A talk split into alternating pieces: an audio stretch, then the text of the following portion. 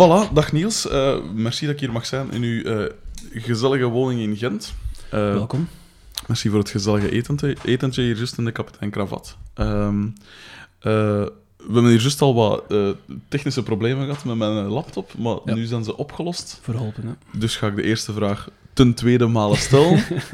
wat is uw allereerste herinnering, of allee, ongeveer, van, aan muziek? Eh, ik, heb, ik heb twee minuten bedenktijd gehad om het iets mooier te formuleren, eh, maar het komt uiteindelijk op hetzelfde neer. Dus, Mhm. eh, ja, ehm, het, het antwoord is misschien licht teleurstellend zelfs. In die zin dat ik weet, veel mensen dat ik ken, hebben zo'n heel mooi verhaal over de eerste keer dat ze echt zo, ik zeg maar iets, het is nu heel relevant of zo, de eerste keer dat ik muziek beleefde was een nummer van Prince op die dag, dat was super mooi en direct je stijl ligt vast of zo, of, of je kunt direct met een mooi verhaal uitpakken, of deze Ja. plaat van Nirvana of zo, direct zo'n naam dat je nu nog mee kunt uitpakken. Bij mij is dat jammer genoeg niet echt het geval, denk ik. Eh, in die zin dat... Ik, ik herinner me nog, het was op een familiefeest, een lange tijd geleden, Mhm. waar dat, mijn neef had juist een, een cd'tje mee, en dat was de eerste keer dat ik zo bewust was dat er iemand zo specifiek muziek meebracht naar iets, om te tonen van, kijk, dit is muziek dat ik graag hoor, en ik wil dat je dat ook hoort. Zo iemand die echt zo'n mixtape-achtig concept meebrengt. Ja. Zo. Hoe oud zou ik geweest zijn? Zes, zeven jaar of zo? Ik, ik kan het echt niet goed zeggen. En eh, het het was een, zo een compilatie-cd van, van, van technomuziek. Maar ik weet nog niet meer de naam, hoe dat heet. Ja, het is, het is eigenlijk zeer grappig. Zalig. Maar hoe heet dat nu weer? Dat was, I- het was niet echt I Love Techno, maar het- daar komt het op neer. En het was zo volume 10, denk ik. Ja, Dus het was echt al zo'n reeks die geëtableerd... allee, Tuurlijk, dat een naam bevestigt, ja. gekende reeks. En ik weet nog, hij zette dat cd'tje op en dan dacht ik... Dat was de eerste keer in mijn leven dat ik dacht, wow... Dus zo echt actief muziek Ja. luisteren en ik, ik wil die cd of zo, of ik wil die muziek en ik, ik, wil, ik was echt geïntrigeerd erdoor. Ja, dat zal. En eh, ik heb effectief diezelfde cd gekocht, denk ik. Gewoon omdat ik... Maar dat was, ja, Van wat jaar zeg je? eh, van 89. 89, dus we spreken over halfweg de jaar. De gouden. Ja, De gouden wel de jaren nine- 90. Ja, tuurlijk. Dus dat was zo de, de leeftijd. Mijn neef is veel ouder dan mij. En die Mhm. ging uit en hij was al veel mee... Hij was echt in zijn, in zijn puberteit of zo. En Ja. Voor mij was dat zo... Ik keek er ook naar op. Dat was mijn grote neef. En die, als die iets vertelde, dat was, dat, dat was de waarheid. Dat was gewoon... Tuurlijk. Dat, eh, Ja, ja. ja. Dus je waren een dat- eigenlijk. Per- ja, en, en die, ja, en. Ieder- iedereen, hè, ja. Ik bedoel, in de jaren 90, hoe kost het al in Nice? En, allee, toch zo inderdaad met je eerste kennismaking met muziek. Ik ben van 87 en ik herken het. Ook een oudere, een oudere nicht had ook zo'n Johnny-cd. Mhm. Met onder andere eh, Cotton Eye Joe van Rednecks op. Mm. En Snap met... eh, Snap, van bekend. alles, eh, bekend, absoluut. Ja. En Modo met Ein, Zwei, Polizei. Ah, ja, De klassiekers. Ja, de dat zijn de- klassiekers. De standards, hè. Eh, en ehm zei je dan, hey, heeft van muziekschool gedaan? Nee, eigenlijk nooit. En Wanneer zij dan, wanneer zij dan zelf muziek verhaal- beginnen maken? Maar dat is eigenlijk ook een, een leuk verhaal in die zin dat... ehm, ik weet nog, een bepaalde dag was ik op, aan, het- aan het surfen op, op een website. Ik was zojuist op de site Capaza aan het leren kennen. Mhm. En ik was gewoon... like, dat was iets nieuws. Ik dacht, oh, zo'n site met zoekertjes. En ik weet nog, ik, ik klik op pagina 2 en ik zie bovenaan de pagina een, een rode jazzbass staan. En ik dacht gewoon... Op dat moment heb ik gewoon, is er iets in mijn hoofd geweest die, die klik zegt van oké, ik, ga, ik ga een basgitaar kopen of zoiets. hebben, hebben we gekocht. En, en dat was eigenlijk raar, want er is niet, is niet iemand die zei van ja, je zou muziek moeten spelen of zoiets. Of niemand, ook mijn directe vrienden die muziek Mhm. speelde. Dat was gewoon zoiets dat ik zelf dacht van dat, dat ziet er mij tof uit, ik ga dat kopen. Zalig. Ik had dat gekocht en twee weken later speelde ik in mijn eerste band. Echt? Ja. De max. En ik heb een versterker kunnen kopen van een, van een vriend, een oude Rickenbakker. Een hele, hele coole versterker. Mhm. En ja, om de een of andere reden, vanaf, vanaf het moment dat ik een instrument vast had, zat ik in een band en is dat, is dat vertrokken. Zalig. En, maar dus niet... Allee, het was echt puur toeval dat bas was? Of, allee, Ja. Het maakte niet uit dat Nee. bas of gitaar was? Mm. Of, Nee, het was niet toeval. Er- Ja, er was toch toeval eigenlijk. het was heel willekeurig, maar inderdaad, als ik erover nadenk, het was gewoon, ik zag dat staan. ja. En ik heb dat met veel dingen of zo in mijn leven. Soms zie ik iets staan, of zie ik iets voor mijn neus, en dan, moment zelf weet ik al, dat is het. Ja. En dan moet ik er niet over twijfelen. En dan voel ik er iets, ik voel er zo'n soort emotie bij zo'n ding of zo. ja. En dan weet ik van, het is goed, en dan volg ik gewoon mijn gevoel, en dan koop ik dat, of dan doe ik dat, of... ja, En dan, ja, dat was de juiste beslissing, denk ik, al die Precies, tijd. ja. later. Dus inderdaad. het was misschien toevallig een basgitaar, maar ja, Mm. En hoe heette die eerste groep dan? De eerste zeer slechte bandnaam trouwens. Eh, dat is altijd, daarom dat ik het altijd, ja. Noble Minded was het. En dat was zelfs in de me. tijd dat Absent Minded populair was. Dus een C. Ah. is- was het al gewoon Ah, zeer, zeer slecht. En wat voor muziek was dat dan? Ehm, ja, Techno. de, de obligatoire punk zat er ook tussen. Zalig. Deels, eh, ook een hoop covers. Eh, Liquido eh, zat er. Uiteraard, dat was verplicht. Standaard. Ja, we, we speelden ook op verjaardagsfeestjes. Je moest ook een beetje het publiek... eh, Voilà, dus dat. ja, de mengeling. Ik denk vooral covers en zo'n nummer of vier dat we zelf geschreven hadden. Maar dat Mhm. was een leuke kennismaking met het bandverhaal. Maar voor de rest... Mhm. eh, Maar ik heb, ik, heb, ik heb al eens foto's gezien, ik pijs op je Facebook, dat je een gitaar in je hand hebt. Heb je dat dan ook nog eh, allee, in serieuze zin gespeeld? Allee, in een groep? Of was dat puur van... eh, ja, ik denk... Ik heb nu toch een bas, kan even goed ook had ik op die foto eh, lang haar, maar Ik pijst. had ik, was ik op, op andere instrumenten ook aan het spelen tegelijkertijd? Of? Tegelijkertijd? Dat weet ik niet. Dat weet ik Ja, want ik heb kort voor, voor mijn band dat ik nu in speel, had ik zelf nog een projectje, een soort solo-project, waar ik een, volledige opstelling had. Ehm, Ja. Ik had zo een, hoe heet dat, zo'n een kickdrum in mijn voet, maar zo'n een, een kickbox, of hoe heet dat, zo'n Ja, ja. stomp, stompbox. Ja, ja, ja. Met zo'n microfoon in. Ik had dan zo twee bongos naast mij staan. Ik had dan, wat had ik nog maar over mijn neus? Een hele hoop, twee effectborden breed had ik, met allemaal delays en reverbs en volumes, met faden en zo. Ja. En looperpedaal natuurlijk. En Cool. nog cymbalen en zelfs een panfluit was er ook bij. Also echt de volledige... Cool. En dan had ik ingeschreven op, eh op Westtalent. Mhm. Dat was zo'n wedstrijd. En dat was de eerste keer dat ik eigenlijk live zelf iets bracht dat ik, dat ik eigen muziek was. Daarvoor had ik zo met een band al covers gespeeld, Cool. maar dat was de eerste keer dat ik zelf, en vooral alleen op een podium stond, Ja. en dat deed. En eh, ja, ik was, ik was zeer nerveus. Want ik, moest, ik, ik had gevraagd om als eerste te mogen. Mhm. omdat ik, had zoveel, ik had zoveel materiaal mee, twee keer zoveel als de volgende band. En die waren met vier. Allee, ja. Dus ik moest alles alleen opzetten. En Mm. mijn ouders waren mee om te steunen en zo. En mijn broer. Maar ja, dat was allemaal aansluitwerk. Ik wist, die kabels moeten in die mengtafel daar. Want ik had ook een volledige setup op het podium om alles te gaan uitversterken en Mhm. doen.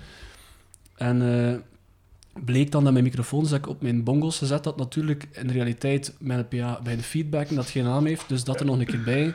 Zalig. Eh, ik was enorm, enorm gestresseerd. Ik heb drie nummers gespeeld van mijn set. En eigenlijk, ja, dat was, dat was, dat was iets heel speciaals. Ik ga niet zeggen dat het zeer goed was. Het was wel redelijk origineel, denk ik.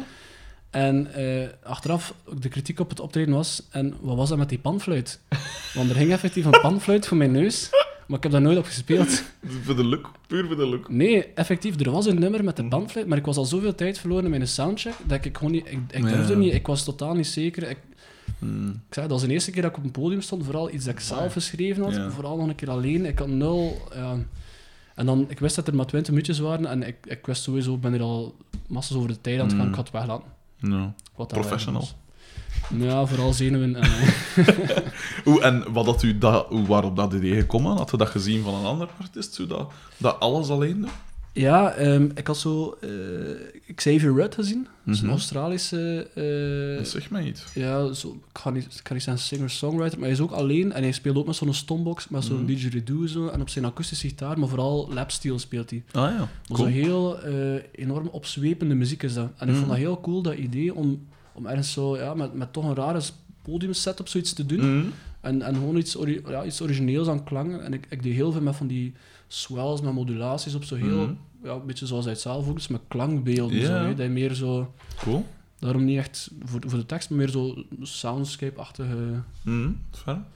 Dus dat was mijn eerste... En wat eh, was het toen? Goh, joh. Vijfde middelbaar. 17 of zo. Ja, Dat is echt al een hele tijd geleden. fijn. Ja. En ehm, wat was zo de muziek waar je naar luisterde toen dat je juist naar muziek begon? Toen ik eerst met muziek begon, was echt zo de tijd dat, dat ook... Ja, iedereen van uw vrienden begint er dan net mee. Want ik, Mhm. die basgitaar heb ik gekocht begin van het vijfde middelbaar. Dus ik moet zeggen, Oh, dat is vrij laat. eind 16, 17. Ja, vrij laat eigenlijk. Ja. Ja, ik heb niets gedaan met muziek daarvoor, dat dat, Oh. dat vrij raar is of zo.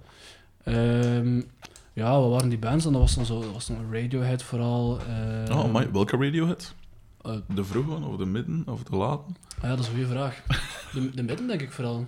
Van, van Kid en, en Amnesiac en. Ja, Dat vind ik ook wel een beste. Want zo Pablo Honey en zo, ja, ik, dat zo, ik, ja, dat ik herken duister, wel dat dat, een dat dat goede nummers zijn, maar dat Ja. is niet, niet mijn dingen. Maar Kid en Amnesiac, vooral die eigenlijk, met Pyramid Song en wat het allemaal, vind ik zo... Oh, Ah, voor mij is vooral nog zo... Paranoid Android is voor mij het Ah, toch, ultieme Radiohead-nummer. Dat vind ik nog altijd het...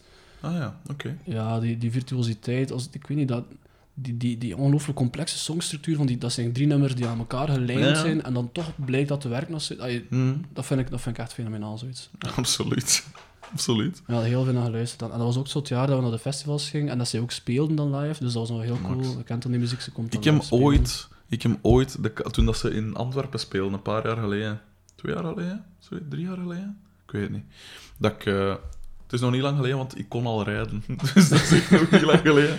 En, eh, en ik dacht ook van ja, ik ga gaan, hè, maar dan dacht ik. pff, dan had ik de parking moeten zoeken en dat gaat Mm. een gedoe zijn. Mm. En dan heb ik, puur om die reden, ben ik dan uiteindelijk niet gegaan. Dat is toch ook belachelijk Dat is echt spijtig. Maar ja. Vooral omdat dat is... Maar het is al gezien ergens anders dan... Nee, Nog nooit gezien? nee, nog niet live. Ik heb Dat- wel zo die dvd's van The Basement en waar Ja, het dat zal niet, dat zal niet. Nee, ja. Dat gaat... Maar ik dacht ook wel van, misschien gaat dat zakken live en dan is de dingen er zo wat, wat vanaf. Ik weet niet, ik weet niet Maar- waarom. Ja, Want ja, die hebben de beste geluidsmensen en al dat gerief is in orde en wat is het allemaal. ja, terwijl het zo obscuur is live. hè. Ze weigeren zo de publiekslieveling Ah, wel, te zijn. Hè. En dus eigenlijk is dat zo- ideaal allemaal. Allee, ik, ik, ga er dan ook vanuit dat ik veel nummers van Radiohead ken. Dan ga ik naar een live show gaan kijken en dan denk Ja. ik, de helft van de nummers, ik, nog, allee, ik ga niet zeggen nog nooit gehoord, maar echt zo de duistere nummers van die, Ja, ja, dat is anders niet veel oplegt of zo. Mhm. Ja. Dus wel iets dat ik moet gezien? Frederik, dat is toch iets dat je moet... De, Ik de bucketlist... Ja. Ik zou mijn oprechte verontschuldiging willen aanbieden. nee, maar inderdaad, je hebt gelijk. En achteraf dacht ik ook van, ja, als ik moest doen, dat ik dat niet gedaan heb. Maar het zal nog wel eens zeker. Komen ze van het jaar niet naar iets? Ik weet niet, ik volgde... Met dat ze, ik dat ze van het jaar een nieuwe plaat uitbrengen. Ik weet dat ze, dat ze, of dat ze gaan toeren of zo, ik weet het niet. Ja, het kan wel. Maar eh, ja, we zien wel. Ik zal ze nog wel eens zien. Ehm, dus Radiohead en wat nog? Daar wat zat er nog allemaal tussen? Ehm, dat was zo de periode dat, dat, dat ik ja, eigenlijk zo zeer actief... Dat het ook zo belangrijk werd om naar de juiste muziek te luisteren. Dat was vooral... Ja. Ja, we hadden zo'n paar vrienden die er echt wel heel, heel serieus mee bezig waren. En die zo een deel definieerden zo, eh, wat, de, wat de belangrijke muziek Mhm. was. Ik wil zeggen, in het begin, in het begin dat ik muziek luisterde, was, was, was alles zo wat... Mhm. Ik herinner mij nog goed dat ik in de klas kwam en dat mensen zeiden oh ja, Linkin Park is nu super Ja, belangrijk. en, en, en The Biscuit en, en, Mhm. en eh, Papa Roach. En dat was een tijd, maar dat was, dat is er nog voor, hè. Ja, was zo'n natuurlijk. tijd dat dat is dan, 2000, eh, begin 2000. hè, ja. Ja, zo de new metal-achtige... Ja. eh, Ik moet wel ja, zeggen... jaren 2000, ja. Ik moet wel zeggen, ik, van, want ik heb er onlangs nog eens naar geluisterd, ik blijf Limp Bizkit muzikaal gezien, dus de gitaar en drum en bas en zo, blijf ik nog altijd cool vinden. Ja, dat is heel straf, hè. Maar Zo de streken en zo, dat vind ik wat minder, maar die, veel van die gitaringen vind ik Ja, echt maar- ferm. bijvoorbeeld van de- deze zomer speelden ze op Pukkelpop. Ja. En dat was... pff, Ik vond dat echt een farce. Dat was... Maar dat zou kunnen. Maar dat was echt... Dat zou heel goed Echt afgrijzelijk. Hoe dat? Wat, wat was dan? Normaal gezien, ik weet, Limp Bizkit gaat ze wel door als, als zij echt nog een degelijke live band die echt Mm. wel voor ambiance zorgt en voor echt een soort, ja, dat iedereen wel, kan niet zeggen sympathie, maar echt wel dat je, dat je duidelijk er staat van, oh, het is echt cool. Ja, En deze zomer, als, ik ze zag, was het echt zo... echt? En zelfs, Nee. allee, Arne bijvoorbeeld, Arne Ja. had er altijd prat op dat dat zo'n heel strakke live band is. En ik, Echt? ik dacht, oké, ik had ze nog nooit gezien ervoor, dus ik ga ze nu voor de eerste keer zien. Maar Ja. hij zei ook achteraf van, dit was gewoon... het, was, het was niet geen ik gewoon... Ja. Ja, oké, ja.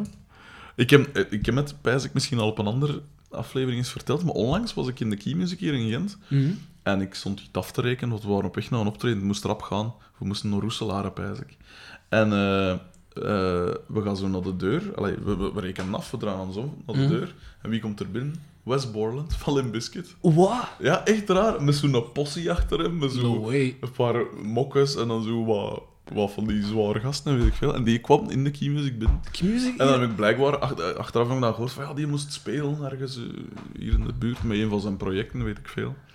Dat is raar, want je, ja, dat is ook wel de laatste dat je verwacht. Ja, Ja, natuurlijk zijn schmink niet op, dat zou nog cooler Ja, geweest oké, zijn. ja. Maar je draait je om en die komt binnen en je kijkt recht in mijn ogen en ik dacht, fuck. Dat is wel echt Dat grappig. is heel raar. Heel Maar dat is een beetje zoals wij op... eh, deze zomer kwamen toe op Pukkelpop met die Mm. William. En was gewoon... Je doet je artiestenbandje aan, je wandelt daar in backstage binnen. Het eerste dat ik zie is Fred Durst, die zo daar rondloopt. En dan denk ik wel... Wow. Ja, Echt een jeugdheld. En ja, die dag was fantastisch begonnen. Dat was het eerste beeld dat ik kreeg van de backstage. Dus ik dacht direct... dat zal is hier? Ja. Dat zal. En hij werd alleen maar beter. Die ja, totdat hij op het podium stond. dat is juist. Ehm, ehm, dus, eh, dus die groepen, daar, maar dat was nog ervoor eigenlijk. Hè. Dat was Mm. meer toen dat je... Ja, want van 89, ja, dan waren echt nog, nog... Dat was begin middelbaar. Zo, Ja, ja, inderdaad. Maar zo de tijd van Radiohead was, was er allemaal. Zo de White Stripes waren heel, eh, Juist, ja, ja. heel cool en heel aan het opkomen. Mhm. En ehm, ja, zo'n heel hoop andere bands ook. En zo een paar kleine bands dat ik misschien zelf persoonlijk heel tof vind. Hm? Dat is zo ongeveer dezelfde tijd. Zo, like de Von Bondies of zoiets. Dat is Ah, echt zo'n plaat. Ken ik ik, enkel van naam. oh, die ene plaat kan ik... Ja, dat vind ik heel, Ja? heel tof. Wat voor iets was dat? Eh goh, hoe moet je dat uitleggen? Er is zo één heel bekende eh, single, Come On, Come On heet die. Was zal right moeten checken. leave, come on, come on. Dat is echt een radionummer. Ah, ja. ja, heel bekend. Heel die plaat is zo voor mij een enorme nonchalance, Mhm. enorme, eh, ja, het is nu nostalgie sowieso, hè. Ja, maar sowieso, het- ja. eh, ja, dat marcheert heel goed. En wat was er nog allemaal? Ehm, ik weet ook nog, dat was de tijd dat ik zo... Ik had u verteld over mijn eerste cd, is die, Mhm. is die techno-compilatie Ja, ja. Maar mijn volgende cd was dat wel er knal op voor mij. Allee. Wat was dat? Eh, Songs for the Deaf van Queens of Oh, the Stone Age. wel zijn. Dat is voor mij nog altijd een van de... Ja, Ja, dat is, dat is inderdaad wel... ik ga niet zeggen dat ik ze nu superveel opleg, maar dat is zoiets dat ik altijd bij mij ga meedragen als zijnde een van de platen van... Ja, tuurlijk. Van, ja, dat is ongelooflijk, hè. Ik was zo fier dat ik die mee had naar huis. Ik wist nog, ah, die is gewoon een rode plaat, zo, dat is echt Ja, ja, ja. heel schoon. absoluut. En die heb ik samengekocht met eh, eh, Interpol, Antics. Ah ja. Eerste plaats van Interpol, die vond ik ook heel tof. Interpol, dat is wat aan mij voorbij gegaan, moet ik zeggen. ja, oké. was, dat, was dat de moeite? Want die had een... Ik vond dat een heel coole plaat, Die had zo- absoluut. eh, hoe noemde Oh, dat liedje? Een nummer. vrouwennaam. Wat was dat? Een liedje dat een vrouwennaam was, spijs ik. Ik weet het niet. ik ben zeer slecht in songtitels, Oh, wel. Ik ook, dat is het probleem. Daarom, ik dacht dat het een vrouwennaam was. Parallel al mijn telefoon in de aanslag. Nee, maar dat is zo wat aan mij. Ik moet zeggen, ik ben nooit echt een vrije luisteraar, radioluisteraar geweest. Eh, maar ik weet nog dat dat dan zo af en toe een keer voorbij kwam. Op Studio Brussel en zo. En Ja, dat- ja, maar, ik oh, ik, vond dat, ik vond dat zeer, zeer goed. Ja? Er zat er zo één nummer op die plaat, eh, Take You on a Cruise of zoiets heet het. Mm. En dat is nog altijd voor mij zo een van die, ja... Die twee platen heb ik samen gekocht. Mm. En dan, dat is toch wel een mijlpaal geweest. En zo de, de switch van, Hm. het, het, zoals ik zei, daar zo met de new metal en de wat foute, allee, zo Ja. niet echt stijlvolle muziek of zo, naar echt zo de, ja, de betere bands. Mm. Dus dat Radiohead komt er dan kort na, zo. Ja. Eh, ja, Cool. en de Strokes luister je dan ook veel. Ja, Room on Fire en, en Is The Sit, dat waren, Mhm. dat waren, dat waren bom, nee. Ik weet dat dat is ik kon dat thuis opleggen en er volledig los op gaan. Dat is echt nog altijd, want ik speel een, een. Strokes tribute band momenteel. Dus ja, inderdaad. ik inderdaad. herbeleef mijn, mijn muzikale jeugd of zo. Ehm, Ja, absoluut. die, die, wat was het? Eh, Noble-minded? Hoe lang heeft dat, eh, hoe lang heeft dat bestaan? Ja, eh, ik, denk, ik denk een jaar of zoiets. Ah ja. Toch. Ja, toch. En dat was, dat was de, dus uw solo-ding was daar nog voor. Nee, dat was eigenlijk kort erna. Ik, Ah. Want hoe kwam, aan, hoe kwam dat aan al dat gerief? Want je zegt, ik had een volledige setup, maar Ja, dat wil toch zeggen dat je... Wa- je kent het be- befaamde eh, Gear Acquisition Syndrome, GAS. Absoluut. Dat is, Dat is mij vrij bekend, ja. dat is begonnen. Ik heb die, die basgitaar gekocht. En dan dacht ik, ik had dan een kleine versterker. En dan dacht ik, die is te klein voor live te spelen. Dus ik heb een grotere versterker gekocht. En Mhm. ergens ben ik geïnfecteerd geraakt op de weg. En dan leerde ik het effectpedaalverhaal kennen. Dat ken ik ook. En dan heb ik de hele kort. tijd zo effectpedaaltjes gekocht voor heel goedkoop. En dan geprobeerd, weer Ja. door, doorverkocht, meestal met winst. Maar ik had wel ondertussen zo'n heel arsenaal aan pedalen die gepasseerd was. En ik filterde altijd de, de juiste ja, En dan had ik zo'n hele leuke setup en dat werd altijd maar meer. En dan komt er een delay bij. En, dan, en dat werd zo toffer en toffer. En dan dacht ik, oké, ik heb nu die basgitaar. zo vaak ben ik, ben ik compleet of zo. Ik heb daar een grote versterker. Dat, verhaal is ergens af. Dat was en nu Ik had de het gevoel dat ik volgende. het kan. En dan dacht ik, oké, nu ga ik gitaar. En dan heb ik een akoestische gitaar Dat gekocht. ken ik. Eh, een heel toffe akoestische Fender. Dan daarop ben spelen, dan dat op die pedaaltjes aangesloten. Dan dacht ik, oké, tof. Maar nu heb ik een soort mengtafel hebben, want ik wil een zangmicrofoon aansluiten. En voilà. En we komt mij vertrokken. zeer bekend voor. Ik heb dus een beetje gezegd dat ik in de min sta. En dat is Ja. voor een groot deel te wijten aan... eh, ik heb onlangs... Ik was nu ook komen zien op, rock, op Halle Rockte. Daar Ja, had eh. Tim van de Fanfare maar gezegd... Ah, de Jona verkoopt een bas. Ik was aan het zeggen van... Ja, heb dat zien passeren op Facebook. ja foto. ik, Schone bas. ik was aan het... eh, Schoon, merci. schoon. Ik heb er zelf bitter weinig mee te maken met het eh, uitzicht ervan. maar, maar de Tim zei me van... Ja, ik was aan het zeggen van... Ja, ik ben aan het pijzen van een reservebas. Want de, de, dus mijn, mijn, met de bas waarmee dat ik speel... Die kosten... Die heb ik gekocht voor 600 euro. Wat ik nog altijd een koopje vind. Maar mijn reservebas, voor als er iets zo misgaat... En, ja. en ja, ik wil geen snaren zitten vervangen op het podium. Die heb ik gekocht voor... eh, Ofwel 1100 of 1300. En dat is zo'n een Dan Armstrong, zo'n doorzicht, zo'n plexi Ah ja, zo in. Oké. Gelijk wat dat Solwax gebruikt in de clip van Much Against Everyone's Ah, Advice. ja, ja, ja. Waar dat zo Ik allemaal weet die het al. En, eh, maar dat is een, een, een beetje een rare dingen en, en ja, die het dan genoeg gekost. Dus ik wil die niet meepakken als reserve. Want pakt het er iets gebeurt of die wordt gepikt of weet ik veel. Ehm, dus ik zei hem van, ja, weet jij toevallig zo niks van een, een, eh, een goedkope reservebas? En hij zei van, ja, ik speel op een... eh, want hij speelde ook bas bij een, een covergroep en daar speelt hij op een Squire Tele. En blijkbaar is dat wel heel goed, zegt die Squire. Want ik dacht, oh, Squire. Mhm. Maar hij zegt dat dat wel nog vrij goed is. En hij zegt, ja, tweedehands vinden dat voor 250 euro. Dat is, allee, dat weet ik geen sikkel. ja. Eh, en ik was een keer aan het checken en hij zei, ah, maar ja, de Jona, een, een andere muzikant van Amoebe, die verkoopt een bas, eh, een, een Precision. Want ik was eigenlijk daar naar aan het zien, omdat dus die eerste dat ik hem, is een Jazz Bass Special. Dus de nek van een jazz met een body van een Precision. En dat is eigenlijk ideaal, want zo'n een, een jazznek is dunner. Hè. Is dunner, is smaller. Ja. Eh, en, maar hij zei van ja, hij verkoopt een Precision. En ik dacht, ja, oké, de klank van een Precision is wel, vind ik ietsje, dat is ietsje meer mijn dingen. Eh, en eh, dus die, ver, die verkocht dat. En eigenlijk zonder te weten hoe dat ze eruit zag, of weet ik veel, stuur ik hem van, ah, het schijnt dat je een bas verkoopt. Ja, ja, ja, mocht ze een keer komen testen en wat is dat, of dan komt ze een keer halen. En ik wist eigenlijk op het moment dat ik dat al verstuurde van, het schijnt dat je een bas verkoopt, ja, dat ik ze ging kopen. En het zot is dat ik nog diezelfde week, dus ik had die bas gekocht, ook voor 600 euro. En ik pijs de dag dat ik hem gezegd heb van, ah ja, ik ga ze kopen, hè, had hij ook zo een, eh, een, een versterker online gezet, te koop.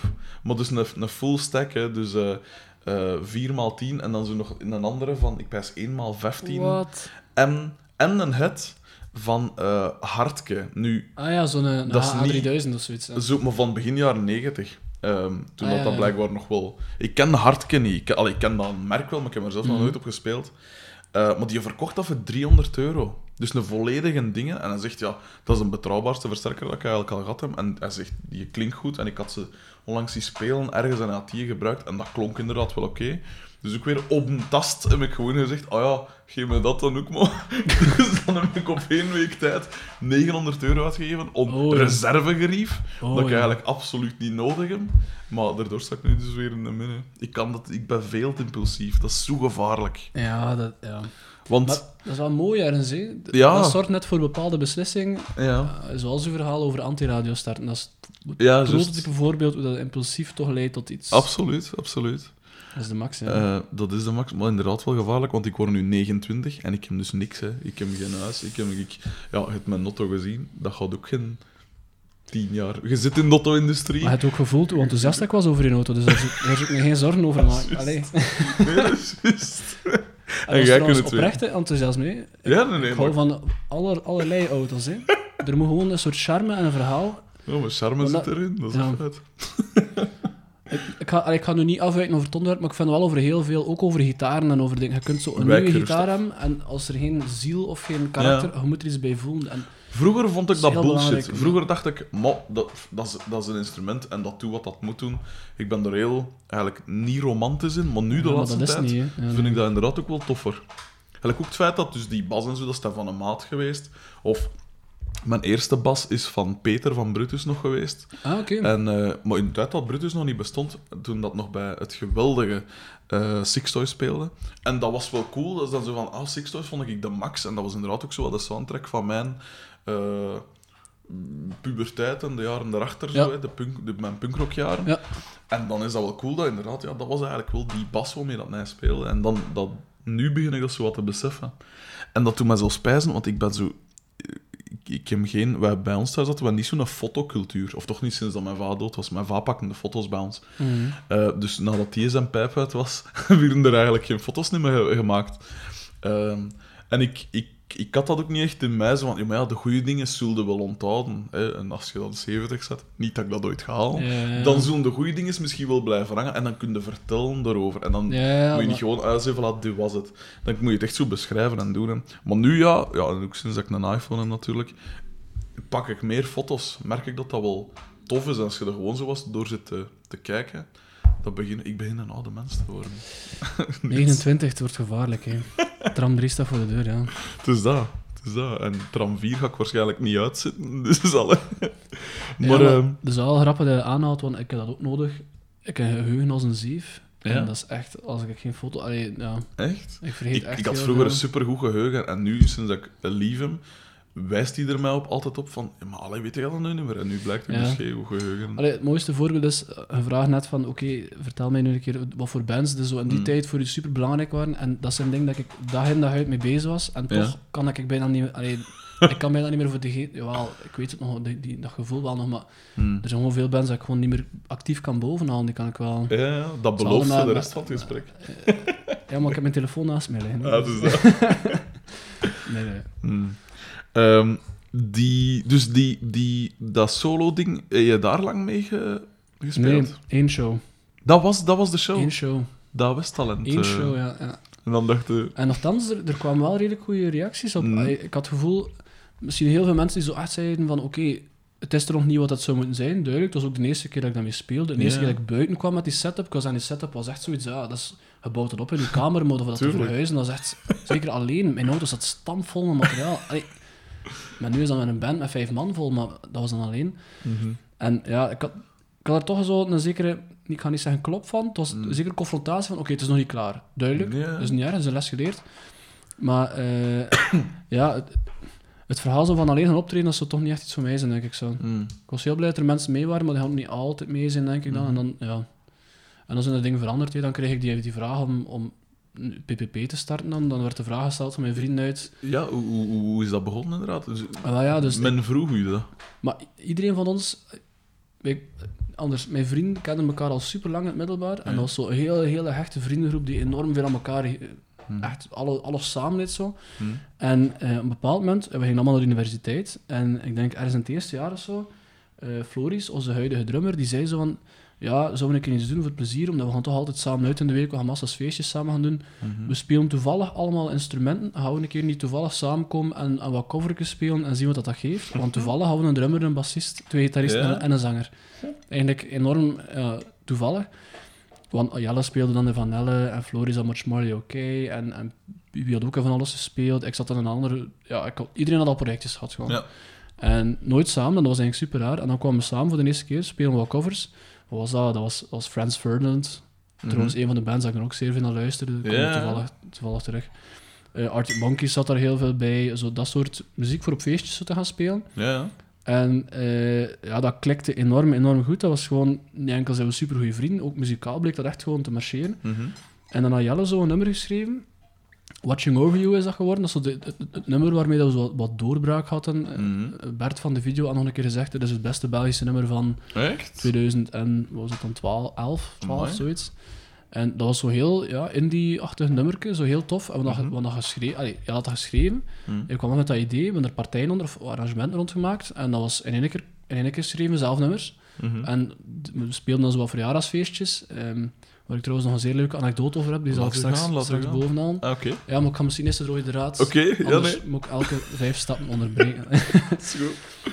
En eh, ja, de eerste feestjes speelden dan zo twee eigen nummers en dan bleek echt aan te slaan. Dat was echt van, ja, kom, we gaan er volledig voor, waarom niet? Ja. En we zaten op de universiteit, iedereen had massa's tijd. Dus, eh, allee. Nee, nee, absoluut. en dan, dan deden we Bandweek. En Bandweek was gewoon de volledige band, vijf mensen in, in een ruimte, een is super cool. Non-stop spelen, s'avonds uh, sleep, sliepen we daar in die, in die ruimte. Eh, dat was soms met heel harde momenten, soms was dat heel confronterend. En die zijn, Ja. eh, we zijn wel super goede vrienden, maar soms was er gewoon vrevel, het klopte niet of zo het nummer. En dan, Ja, de bekendste scène is Jelle die met zijn vuist een gat slaat in een muur uit frustratie. Nee, Echt? of was het uit geluk? Het was geluk, denk ik. Eén van de twee. Nee, anders. Het was van geluk, omdat we juist het nummer afgewerkt hadden. Het Ja. viel eindelijk in zijn plooi. Maar de dag ervoor was hij met slaande deur naar buiten gelopen. Echt gewoon van... Mhm. Dat is echt super slecht. Hij sloeg de deur achter zich toe en we zagen hem niet meer. En hij was weg. Zo dat soort... En dus het nummer was af en hij was blij en hij sloeg een gat in de muur. Ja, dat was... Is een vreemde uiting het, van Het blijdschap. jammere is, dat was zo'n mooie aha-erlevenis. Ik weet nog, iedereen van de band stond daar bijna te vieren over Ja. hoe goed dat dat een vrijdag was dat gemaakt hadden. Ja, En achteraf blijkt dat dat nummer eh, door de tijd verguisd is als zijnde grote stadionrock, veel te, veel te, veel te patserig. en ja, ik blijf dat nog altijd een heel leuk nummer vinden, want dat is dan... Ik wil zeggen, dat was zo relatief... Op Mhm. Ja, moment was dat zo het nummer dat Ja, we geschreven hadden. We hebben eindelijk het nummer. En Mhm. dan twee maanden later blijkt dat we het zelfs niet meer live willen spelen. Is zo van, ja... zo dubbel, hè. En eet hij niet overgehouden aan die... eh, aan die... Ja, eh, dat moest nog hersteld worden, dat was het probleem. We kregen dan... eh, Zalig. We kregen dan mailtjes van, ja jongens, oké, alles goed en wel, we verstaan dat dat gebeurd is, maar er moet ook wel echt iets aan gebeuren. En dat is zo- dat is zo'n dat is echt zo simpel. Je moet daar eigenlijk zo'n stuk hyprocuur achter zetten of zo, ik weet niet. Wat moet. En ja, dat hij echt nog veel voeten in de aarde had voordat dat hersteld geweest is. Zalig. Cool. Veel, Oeh, en, en wat, was die, briefwisseling wat gehad. was die anekdote dat je zei dan? Ah ja, ja. eh, om, om gewoon te illustreren dat we echt van ver komen zo als band. Mhm. We zeggen nu, nu spelen we echt veel live shows en zijn we gewend aan, aan dat live verhaal. Maar ik herinner me nog heel levendig. Ik denk de tweede show dat we ooit speelden of zo. Eh, moesten we spelen op een verjaardagsfeestje van iemand. Mhm. En dat was zo een mooie villa in. ehm, het is niet Sint-Denijs-West, zo rond, rond Deinze, zo rond water. Mhm. Zo een heel mooie, langs het water, heel rustig afgelegen, dure villa. zo'n designvilla. Ja. En goed, wij waren eruit genodigd als band, heel tof, en we wilden daar spelen. En ik weet nog, er was daar een frigo, het is daarom, ik wil het wel schetsen, het was een, een duur huis, dus het was een mooi feestje. Tuurlijk. Er stonden twee frigo's afgeladen vol met allemaal vedetten en, en alles, duvels, echt alles dat je wilt. The works. En dat was een van de eerste keer dat je zo als band komt en je mag gratis drinken op dat feestje. Mhm. Wow, super cool. En natuurlijk, ja, onervaren, iedereen iets, iets te veel gedronken. We beginnen de show goed. En die show begint met This Fire van Franz Ferdinand. Mhm. En dat zo, eh, die drum zo eh eerst aftikt en dan die gitaar. Tudu, tudu, tudu, tudu. Zo echt enkel die gitaar. En Laurens moest dat spelen, maar Laurens was eigenlijk nog het ergste van ons allemaal. Die was echt... Oké. En we beginnen die show en er staan zo echt zo ja, 40 mensen, heel dat feestje of 50 mensen, dat is zo rond, rond echt zo spannende zo, dat was donker een hele mooie sfeer. Ja. En Laurens wil die partij beginnen spelen, maar hij speelt die partij één vakje te hoog. Zo- Oh. De volledige partij speelt hij één vakje te hoog en hij heeft het ook niet door. Dus hij blijft het ook echt spelen met een, zo, een bepaalde uitdrukking op zijn gezicht als zijnde... Waar, waarom kijken jullie zo raar naar mij? ik ben echt heel juist aan het spelen. En wij stonden er echt van... Dit, nee, dit, dit kan niet. Eerste nummer, nog geen live ervaring. Zo echt van... Ja. Iedereen aan het publiek staat er te kijken, maar wat is dat hier voor een bende? Tuurlijk, Prutsers, ja. terecht, terecht ook, ja. tuurlijk, tuurlijk. En... eh, Mhm. dus ja, sindsdien is de, de regelgeving iets strikter rond eh, alcohol voor de shows. Ja. Ja, dat is inderdaad wel iets. eh, ik, ik drink zelf niet, maar ik, ik let toch ook... Ik hou toch ook altijd zo met een oogstje in hetzelfde. De rest van de band, ja. Ik, ik heb er niet over te klagen, verre van. We zijn eigenlijk heel, heel brave gasten. Maar het is inderdaad iets wat ik wel een schrik vind. Want gelijk nu, gisteren moesten we inderdaad een paar uur wachten. Ja, dat is dan dat gebeurde, ja. En ja, het is inderdaad niet dat die gasten gaan zeggen, ah ja, van mij water kan. Gelijk als ik met mijn stoemelkop wel doe. Eh, maar zij doen dat dus niet, natuurlijk. En als je dan drie uur of vier uur moet wachten, ja, dan kun je wel eens... eh, Maar ja, dus het was niet, het was niet aan de orde. Ja, het schijnt dat ze daarvoor ook op de Humo's Rock Rally de regelgeving veranderd hebben. Hè. Ja, is dat zo? Jelle, Jelle vertelde me net dat op de Humo's Rock Rally staan er frigo's met bier, Ja. maar die gaan pas open vanaf 6 uur of zo. Echt? Omdat die bands zijn er al van 11 uur s ochtends, of van 10 uur of zoiets. Zo Ja, ja, echt super vroeg. Waar is dat eh, goed voor? Omdat die er zo vroeg ik- zijn. ja, die loting wordt dan, gebeurt dan zo. Ik denk dat die loting 11 uur 30 al is. En dan, ja. dan begint heel die... Ik weet het niet. Ik kan het niet... Mannen, Dus uit verveling dat in het verleden enorm veel alcoholproblemen waren van bands die achter de, achter kunnen. podium daar... Dus nu is het vanaf 6 uur pas dat de, de hel... eh. Inderdaad. ja, Pardon, excuseer. Ehm, het is de spaghetti. Ehm, ehm, wat dacht ik te zeggen? Ah ja, dus, die, dus je hebt dan niet zo... Ah ja, dus je begon dan met eh, PPP. ja, ja, ja, ja, ja. En dat was... Dus je zat op de NIF, jaar of 18, 19, zo ja, die denk beginjaren. 20 tegen dan zeker, zo Ja. het eerst. Al wat 19, 20 en zoiets. Ja. En ehm, dat, dat betekent dat je al nu bijna tien jaar bezig bent? zoiets? Ja, eigenlijk wel. Ja, een jaar of zeven, hè. En hoe... eh, want je zei dus subiet ook van ja, we maken inderdaad... Ja, v- allee, je zei voor ons is, is radio heel belangrijk, of zo singles of dat Ja, soort dingen. absoluut, ja. Hoe, eh, ik heb nooit in, in dat soort groepen gezeten. Of allee, het is te zeggen, in die punkrock kun je ook heel, eh, heel radio-minded gaan. Mhm. Gelijk een, een Blink-182 of weet ik Mhm. veel, is duidelijk gemokt om veel mensen aan te spreken. Ja, ja. Maar ik was altijd zo voor de, de iets harder en eigenlijk bewuster zo wat van weg, ook uit zelfbescherming. Hè? Zo van, ja, die gaan dat toch niet willen. Ja. Dus dan kunnen we er maar beter vol een bak voor gaan dat we het niet willen. Ja. Ehm, maar ik, ik weet dus niet hoe dat je dan... Was dat van in het begin de bedoeling van eh, zo te mikken op radio en Absoluut, dergelijke? En De- hoe, hoe doe je song, dat? hè, de, de- het was altijd de popsong. Het ging altijd Ja. om, om de mooie afgeronde popsong die op een melodieuze manier iets, Mhm. iets, iets overbrengt of zo. Ja, En eh, ja, dat zat wel heel hard in die, En hoe, eh, hoe... Zeker als je ermee begint, hoe, hoe, hoe, hoe je dat aangepakt? Had je daar op eh, bookings, een boekingskantoor of Ah, nee, management? dat is- dat of is, hoe? ja, de typische... Want dat je toch wel het, nodig dan, het, neem het, ik het groeiverhaal. Hè. Ik wil zeggen, Ja. in het begin... Eigenlijk in het begin is vastgelegd geweest dat wij als, als band zo toch wel voor die DIY-style zo gaan. Mhm. Zo, die doe, Doe gewoon, ja. zelf, ja. trekt je plan, een beetje dat zo. Ja, ja. En ehm, we hadden, we hadden zo'n paar nummertjes en dan zeiden we, oké goed, we willen nu zoiets iets verzamelen dat we mee optredens kunnen gaan scoren, want Mhm. dat is natuurlijk wat je wilt, je wilt, Ah ja, je wilt dat spelen. En we dachten, goed ja, we willen een mooi pakketje maken, we gaan zo drie nummers opnemen. We Mhm. hadden dat zelf in, in, in, in onze eigen repetitieruimte gedaan, wat microfoon. Ik had zo'n interface van mijn vorige project nog, dus zo'n mengtafel dat ik acht kanalen op kan aansluiten. Ja. Eh, alles binnengetrokken. We hebben dat, we hebben dat zelf gemixt. Cool. Of ik heb dat gemixt dan, eh, we hebben dat gemasterd en dan ehm, aansluitend daarop hebben we een soort eh vier-sessie gedaan, waar we het resultaat samen kwamen beluisteren in mijn oude kot dan. Zalig. En dat we vervolgens, ik denk een uur en een half lang, onze eigen muziek op repeat gezet dan en uitzinnig waren van, van blijheid, omdat, Ja, we- ja. omdat we, dat we er geraakt waren. Hadden drie nummers opgenomen, dat was En zelf fenomenaal, ja. En dat was echt, die euforie die eruit straalde, dat was fantastisch. Ja. Dat is, ik denk dat dat het soort band is dat wij zijn, enorm op enthousiasme gedreven en, en op ja, een soort... De, de zelfverheerlijking is ons niet vreemd, ik zal het zo zeggen. het is een soort nationale sport. Of, nee, het is overdreven, maar...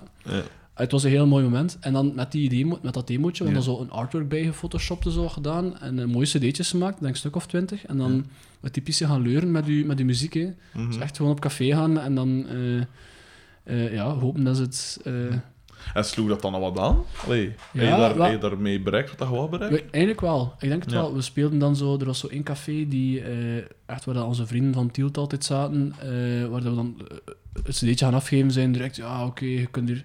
De Confrater was dat vroeger, aan het begin van de Overpoort. Ja.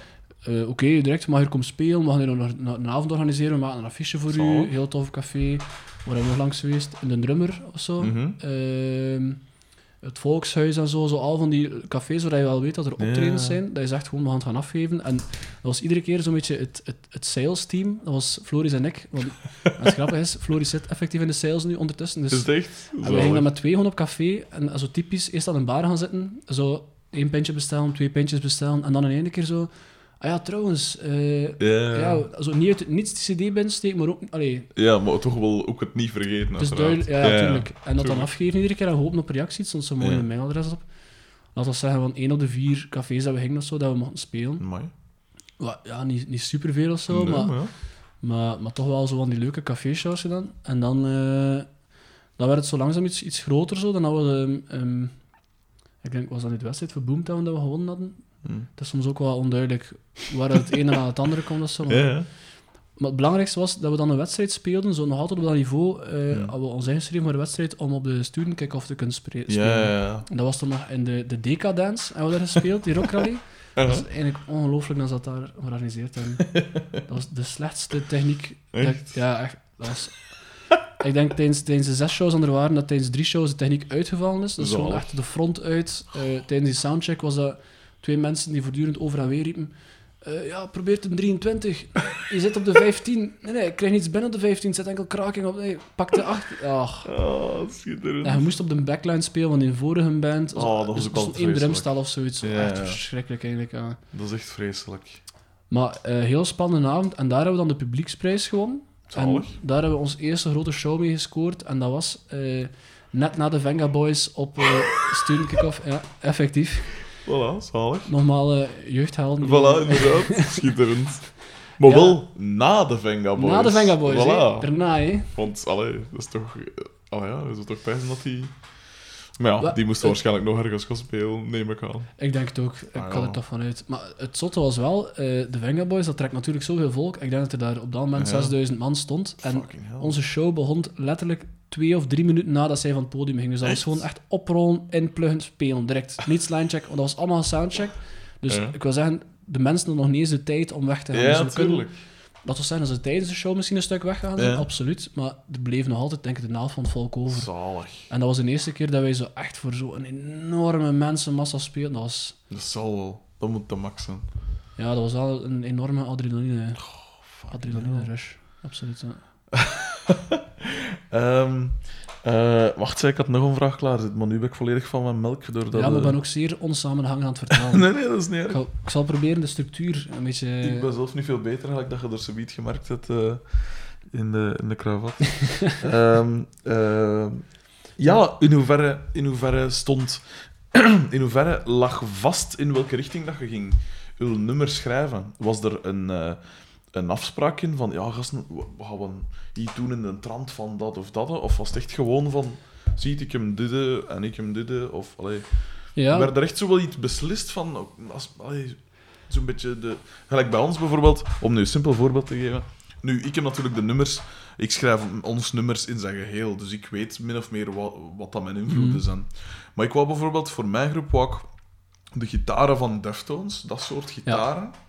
De bassound van een Tool en, en ook zo'n beetje de... de, de de, bij Tool is ook de bas eigenlijk belangrijker als de gitaar, of drijvender. Justin. Justin is een persoonlijke held, hè. Voilà, terecht, terecht, volledig terecht. Dus, ja. Maar die, die, die, die nummers worden gedreven door die bas en de drum natuurlijk. Hè. Eh, en minder door de gitaar. En dat vond ik wel cool. Toen we punkrock maakten, was dat eigenlijk ook zo'n beetje bij ons. Altijd zoiets meer die bas. Niet omdat ik het, omdat ik bas speelde. Maar dat is gewoon fijn en dat was minder standaard als die ja, ja, natuurlijk. Ja. en ehm, dus ik wist zo wat, eh, gitaar van dat, bas van dat, eh, eh, was zo de ritmische dinges, de ritmische elementjes van een Tool of van een uh, Nine Inch Nails heet dat ook van tijd van die coole Ja, ritmische ja, ja, dinges. absoluut. Zo'n beetje elektronica misschien erin, ook zo wat Nine Inch Nails-achtig. Maar tegelijk dacht ik dan van ja, Radiohead heeft ook coole dinges, de Mars Volta heeft coole dinges. Millionaire heeft- heeft heeft coole ritmische dinges. En ook zo wat die chaos daar dan van. Dus ik wist zo wel min of meer wat, wat dat de, de, de, de elementen waren dat ik er ging insteken. Ja. Was dat bij hen ook zo? Of, of misschien door niet zo gedetailleerd, maar dat je zei van ik zou graag iets maken in trant van die groep of die Ja, groep. ja. Maar het is eigenlijk een beetje organisch verlopen, denk ik. Mhm. In die zin dat we, dat we redelijk veel covers speelden. Dat Mhm. was ook gewoon de muziek dat we super graag hoorden. Bijvoorbeeld de Marty Bum van Arctic Monkeys, dat was voor ons gewoon zo Ja. echt een... Zo, zo zou je nummer moeten schrijven of zo. En ik denk wel Mhm. dat, dat door het feit dat we die speelden, dat dat heel veel invloed gehad heeft, heeft op de richting dat wij zo gekozen zijn. Ja. Zo toch wel dat, dat iets opgewektere, indie-achtige Ja. melodisch vooral. En ehm, het was wel duidelijk dat het binnen een kader moest passen of zo. Het was niet Mhm. van... We hadden ook wel hardere nummers en zo, en, en dingen die misschien wat moeilijker mee te rijmen van. En de eerste plaats viel dat... Allee, was dat nu nog iets, iets minder strikt of zo. Ja. Maar toch was het van begin duidelijk van, we willen echt wel gaan resoluut voor die, die pop. En, en hetgeen dat wij gewoon vrij goed in zijn, is, is super enthousiast zijn, is, is, is zeer opgewekt zijn, is... Ja. Ja, frivoliteit, dat is echt Mhm. zo, het, ik denk het woord waarmee dat je best onze muziek kunt, Ja. kunt omschrijven. En, Cool. en, en dat is bijvoorbeeld... Ja, wij schreven dan in die tijd heel veel nummers. In die zin dat we zo die, die bandweek deden. We deden het Mhm. dan twee keer op een jaar, bandweek. En dan kregen we daar zo zes nummers uit. En dan konden we eruit kiezen. Dat was zeer productief. hè. Ja, ja. En, en daarom merk je ook... Sommige nummers dat we schreven waren op, op 15 minuutjes geschreven. En dan weet je gewoon, eerst en vooral, die song is supergoed. ja. Tweede en vooral, dit ligt... Allee, dat is gewoon hetgeen dat wij moeten doen. Blijkbaar, ja. En het mooiste voorbeeld daarvan is Futures Are Home. Ik Ja. denk dat Futures Are Home op, laten we zeggen, het kernidee op 15 minuten geschreven is. En drie, uur later was het volledige nummer af. En dat was dan onze eerste Zalig. single. Allee, dus ergens, de manier, of die songs zitten een stuk in ons. Mhm. En ehm, soms omschrijven we dat als de, het zo de, de PPP-taalmachine. Maar het is Ja. een PPP-muziekmachine. En de, de PPP-taalmachine... Het zijn twee belangrijke instrumenten voor het schrijven van onze nummers. De PPP-taalmachine is een soort verzameling van woorden en begrippen en eh, context naar allerlei soorten filmpjes en Ja. alles dat je wilt, waarvan je gebruik moet maken om je mening duidelijk te maken. Bijvoorbeeld, ik zeg maar eens, we zijn een nummer aan het schrijven en er wil iemand zeggen, ik vind het zeer slecht. Dan moet je volgens de PPP-taalmachine, dus dat is je input, gejaagd door de complexe samenhang van die machine. En dan moet je zeggen, het klinkt een beetje als de Fratellis. En dan weet iedereen... Iedereen weet perfect wat hij wil zeggen. En het is echt zo van, oh shit. Je punt is heel duidelijk, recht, recht toe, recht aan. Ja. En ja, er zijn zo heel veel geëikte uitdrukkingen die je moet gebruiken om ook te zeggen dat het goed is, bijvoorbeeld. Of. En, dus dat is de ene kant van het verhaal. En de, de PPP-muziekmachine is de andere kant. Ja. Ik denk, er is niemand op, op, de, op de planeet die een PPP-nummer kan schrijven. Wij Mhm. allemaal niet. Alleen kan niemand dat, maar dat is ergens een soort... Zet ons samen, Mhm. steek daar een soort songstructuur in en er komt sowieso een PPP-nummer uit. Dat wordt zo... Ja. En zeker met de tweede plaat hadden we nu veel gehad, waar Jelle veel ideeën bracht, echt nummers, Ja. afgewerkte nummers. En door het feit dat je dat dan door als een band jaagt, krijgt dat net dat PPP-jasje. En dan Ja. Die, die, die, die, dynamie- die dynamiek zo, en die, Mhm. ja, die melodielijn die daar dan uitkomt. Zo. Ja. Dus die twee elementen zijn super belangrijk om een PPP-nummer te doen ontstaan. Ja, Je moet erover babbelen, maar je moet ook de juiste muzikale ins- instrumenten hebben. Dus dat zijn de tools die we. En... Ik was vergeten dat ik met een ingenieur aan het praten was. Ah ja, tuurlijk. eh, Ja, vakjaar van, is zeer belangrijk. Ehm, dus, als ik het goed begrijp, is, worden nummers... eh, ontstaan die vaak als, door, puur uit niks, door gewoon samen te zijn. Eh, maar soms komt er inderdaad wel iemand af met, met eh, ideeën op voorhand. Ja. Maar dat, wat ik altijd de moeilijkheid vind om, om eh, samen schrijven, is... is ehm, het is te zeggen, in het begin gaat dat alle kanten uit. Hè. Ja, nee, dit ja. is eigenlijk op, ah, ik wil er dat op doen, maar je moet dat natuurlijk in één richting wat proberen Ja, krijgen. Hoe, hoe gebeurt dat? Wie, wie, wat is de rolverdeling bijvoorbeeld? Dat- Of, of hoe werkt dat bij? Gelijk hoe als je samenschrijft, denk ik dat je altijd dat, dat probleem hebt. We hadden dat op deze plaat ook. Mhm. Er staan voor twee nummers niet op die plaat dat we wel de hele eerste tour gespeeld hebben. Mhm. Eh, onder andere een, een What the Fuck. En dat is gewoon een nummer die ontstaan is uit Floris die als een zot op zijn drum aan het mappen was en Piwi die op zijn gitaar aan het spelen was. Mhm. En door het feit dat je inderdaad samen schrijft, je begint eraan en schrijft dat, dat, dat neemt zijn eigen weg een stuk. Mhm. En dan kom je uit op iets dat heel hard was en voor ons perfect als laatste nummer. Mhm. Maar dat wij totaal niet konden rijmen met de, met, met de rest van de muziek die de Ja, stond. ehm, ik, ik denk dat de eerste plaat, merk je dat wel een stuk. Dat dat misschien niet, dezelfde, niet Mhm. volledig dezelfde lijn is, dat er zo een beetje van alles van ideeën in zit. Ja. Terwijl de, de, de, de tweede plaat hadden we dat veel minder. Mhm. En hoe komt dat dan? Dat daar Om- veel minder was? De tweede plaat heeft Jelle veel meer geschreven dan de nummers. Ah, is ja, ja. veel meer uit, uit hem gekomen qua, qua nummers. Hij had zo'n Mhm. heel duidelijk idee van dit is de muziek dat we ongeveer zouden moeten maken. Dit is waar dat we naartoe willen. Of Mhm. waar het, wat, het, hij- wat hij wil vertellen in zijn teksten en in zijn, in zijn nummers. En Ja. die zijn veel consistenter, wil ik zeggen. Die nummers, dus één pakketje, tien nummers, dat, dat klopt alles bij elkaar. En dat is ook iets dat ik, denk, dat ik denk dat je leert als band misschien of zo. In het begin was dat voor ons ook een beetje een mengelmoes van van alles en nog wat. Ja. En ja, gaandeweg moet je dat zo je weg uit, uit destilleren of zo. Maar, Mhm. Hoe, eh, als, je, als je met een baslijn afkomt, bijvoorbeeld, of al je gezegd van...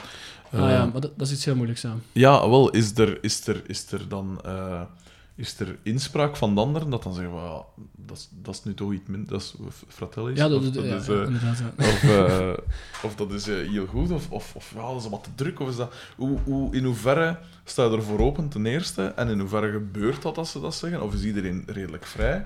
Tegelijk zeg je dan wel van, ja, we willen zo wat... Dat pop, de, de song moet primeren, terwijl ja, soms pijst een, een, een, een individueel lid wel van, ja, maar dit is echt wel een ferm stukje, Ja, ja, en wat past dan misschien niet? Oh ja, heel goede anekdote over. Exact om uw vraag te beantwoorden, denk ik. Mhm. Eh, In C, bij de, de song gaat altijd één zijn. En dat is hetgeen waar we altijd allemaal over eens zijn. Mhm. Allemaal. Maar er zijn inderdaad bepaalde stukken waarvan, je gewoon weet, instrumentaal, is dit, is dit fantastisch? Of is het echt zoiets dat je weet van, ik wil die lijn gebruiken, ik heb die lijn geschreven. Dit moet, er moet iets mee gebeuren. Dit is urgent, dit is relevant. En er is één bepaald stuk tijdens de eerste plaat, en dat is een stuk die nu al drie jaar meegaat, denk ik. Mhm. Het heet Radiostuk. En het Radiostuk was een stuk muziek dat we geschreven hadden, waarvan het echt duidelijk was, dit moet op de radio. Dit, is, dit is gewoon echt, dit is radiomuziek. Dit is wat nu, ik spreek nu over 2012, ja. echt, dit is direct een single. Ja. Maar het probleem was, we kregen er geen nummer rond. En soms heb je, ja, maar soms heb je zo'n stuk Tuurlijk, en het ja. nummer wil niet in zijn plooi vallen. En dan krijg je dat ene stuk die geniaal is. En dan moet je er misschien een middelmatige strofe aanlappen Ja. en nog, nog verwaarloosbare brug. En dan is, het resultaat, dan is het resultaat gewoon flow. Mhm. En het radiostuk hebben ze altijd bijgehouden als zeiden, kijk, ooit gaan we dat ergens kunnen inpassen. Misschien als een brug, misschien als een refrein. Maar het probleem is, ik moet ook wel zeggen, ik was zeer grote voorstander van dat stuk, omdat mijn baslijn er ook wel zeer Prominent, ik ken het te veel waarschijnlijk. Je wilt dat dat... Ja. Maar ik bepaal wat dat erin komt. Oké, bij u is nog iets anders dan. Uh-huh. en eh, het probleem met radiostuk is dat over de loop van de jaren... eh, het is... Het is, ja, het is, af- het is geërodeerd, het is afgesleten. Niemand weet nog hoe dat gaat. Een radiostuk is Heb je dat nooit verdwenen. opgepakt? Nee, radiostuk is... Ik denk dat er misschien nog een opname van bestaat, maar radiostuk is voor zover ik weet verdwenen. Misschien in de archieven van de PPP krochten ergens, eh, ik weet het niet. Garme. Ehm, eh, Ah, wel ja, en als, er, als je dan met iets afkomt, is er, laat, het dat, laat, het dat, laat het dat toe dat, dat, dat, ze er, dat er iets van gezegd wordt? Of, Wel, of ja. ze van... Het is daarom dat ik dat stuk wat aanhaalde, Ja. omdat ik, ik weet, ik was daar zelf grote voorstander van, nog iemand anders ook, en dat wordt allemaal wel geapprecieerd, maar als het niet klopt, het nummer, dan lukt het niet. En nog, nog iets directer of nog duidelijker als voorbeeld, soms heb ik een bas in waarvan ik denk, dit is echt, als je samen met die drumgroove dat nu gebeurt, dit is echt heel cool. Maar dan vindt Jelle daar bijvoorbeeld geen zanglijn op. En dan wordt dat heel snel ja, weggedaan als zijnde, oké, het gaat niet, we krijgen er iets rond. En dat, is, dat is soms wat frustrerend, maar dat is wel ook dat het marcheert. Hmm. De volledige band moet meetikken. En het gebeurt echt heel geregeld. Hmm. Allee, bij, bij PPP schiet me echt heel veel af. Ik wil zeggen, Ja. dat is echt van... Zelfs al, als je voelt, dit gaat wel een, een nummer worden, een oké nummer, dat is gewoon bijna niet meer goed genoeg. Moet echt goed ja, zijn, hè. Je kunt inderdaad nummers schrijven om je, om je Hmm. om dat gewend te blijven of zo. In het begin moet je zo weer een hoop nummers schrijven om daar weer in te komen in Ja. dat schrijfproces. Maar na een, op een duur weet je ook van... Je moet ook geen tijd steken in een nummer nee. die, die Dat niet gaat worden. ik. Ja, wel, dat zit ik nu zo wat in. Dat ik zo wat... Want de nummers dat wij nu spelen, die zijn ik, goh, ik ben dat het de jongste twee jaar oud is of zo, of drie jaar misschien zelfs al. En de, de laatste jaren, maar ik heb het ook heel druk gehad sowieso, maar ik, ik, mijn lat wordt altijd hoger gelegd. Ja, dat is moeilijk. Hè. Ik ben heel perfectionistisch en heel... Ja. Ik wil echt ik wil iets speciaal doen. Ja, ja. En ik, ik leg mijn lat dan... Of, allee, ik, ik pijs dan van, oké, ja, hè, eh, de gasten van Radiohead zijn natuurlijk geniaal, eh, maar dat zijn ook maar mensen. Dus als zij dat kunnen, waarom zou ik dan... Wie, allee, ik, daarom niet dat ik even geniaal ben, maar dat zijn uiteindelijk ook maar mensen. En eh, die van Tool, ja, ik bedoel, dat is uiteindelijk, als je niet zo geniaal zit, dan moet je er maar wat meer werk in steken. Dus waarom zou, zou ik dan niet daar ergens kunnen geraken? Het probleem is dan wel dat je je altijd zit te vergelijken met de meest geniale Absoluut, muzikanten dat er zijn. Hè. Dus dan, en zeker in het begin, want onze muziek is, of het dingen is eigenlijk de laagjes dat het speciaal maken. Mm. Individueel is dat zo simpel als iets. Mm. Ik heb die gitaarpartij geschreven, geschreven en ik kan geen gitaar spelen. Ik kan geen, geen, geen enkel akkoord. Ehm, dus dat is poepsimpel. Eh, en de, maar de, de moeilijkheid, of de moeilijk, het speciale zit hem in de laagjes. Maar ja, dan kun je een nummer ook wel pas beginnen beoordelen. Een keer dat er meerdere laagjes zijn. inderdaad afgewerkt is. Ja. En meestal blokkeer ik zelf al, of schiet ik mijn eigen ideeën al af, Ja. nog, Nog bij de je- eerste laag, zo gezegd. En dat is dus wel de kloterij. maar ik weet exact wat je vertelt, want Ja. eh, hetgeen je nu boven ik, ik had na mijn, mijn solo-project ik Ja. nog een ander solo-project, waar ik zo een nummer of tien mee geschreven had, en dat ik Mhm. echt dacht van, hier ga ik mee soort, soort EP of zo uitbrengen of zoiets. Mhm. Zo allemaal zo zeer ambiente muziek, zo, met zeer veel ja, gitaarlijntjes Mhm. en zo.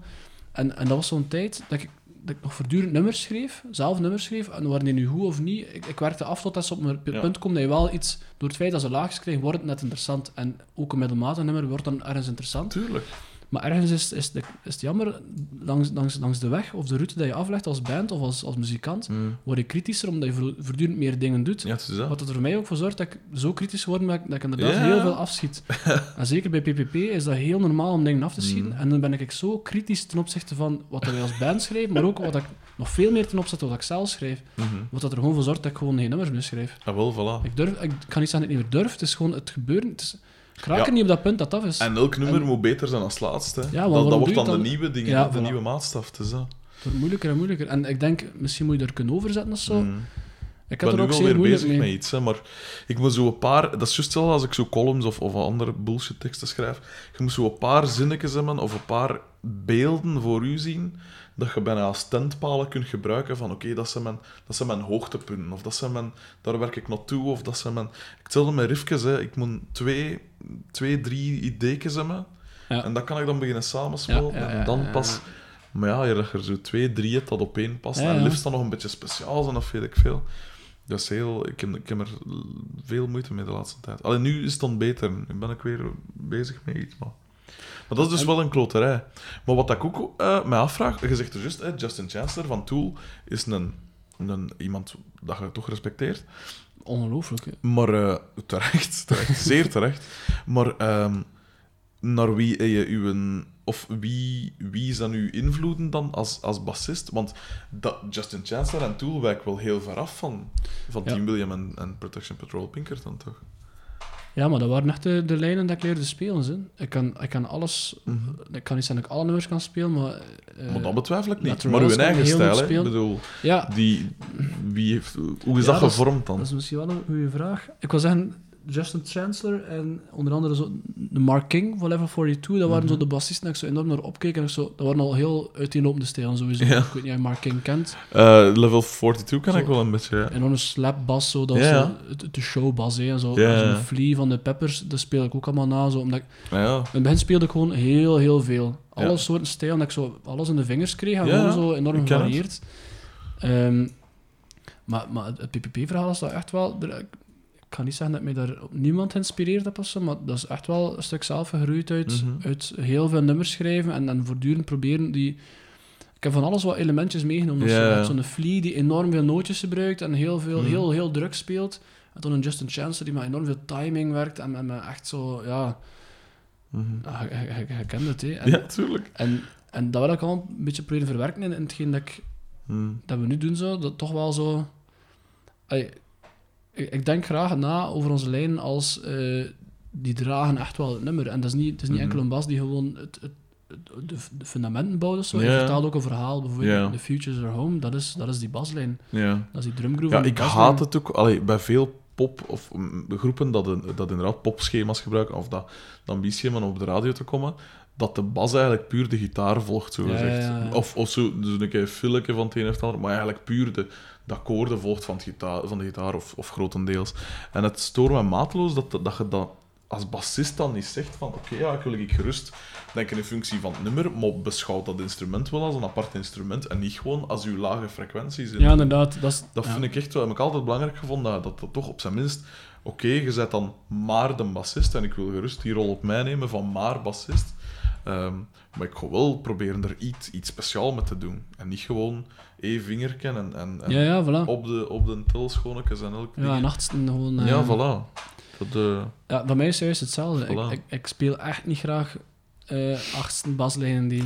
nee, Nu tuurlijk. moet ik opletten wat ik zeg, want ik speel heel graag strokes en dat is allemaal achtsten. Dat is allemaal. inderdaad. Absurd.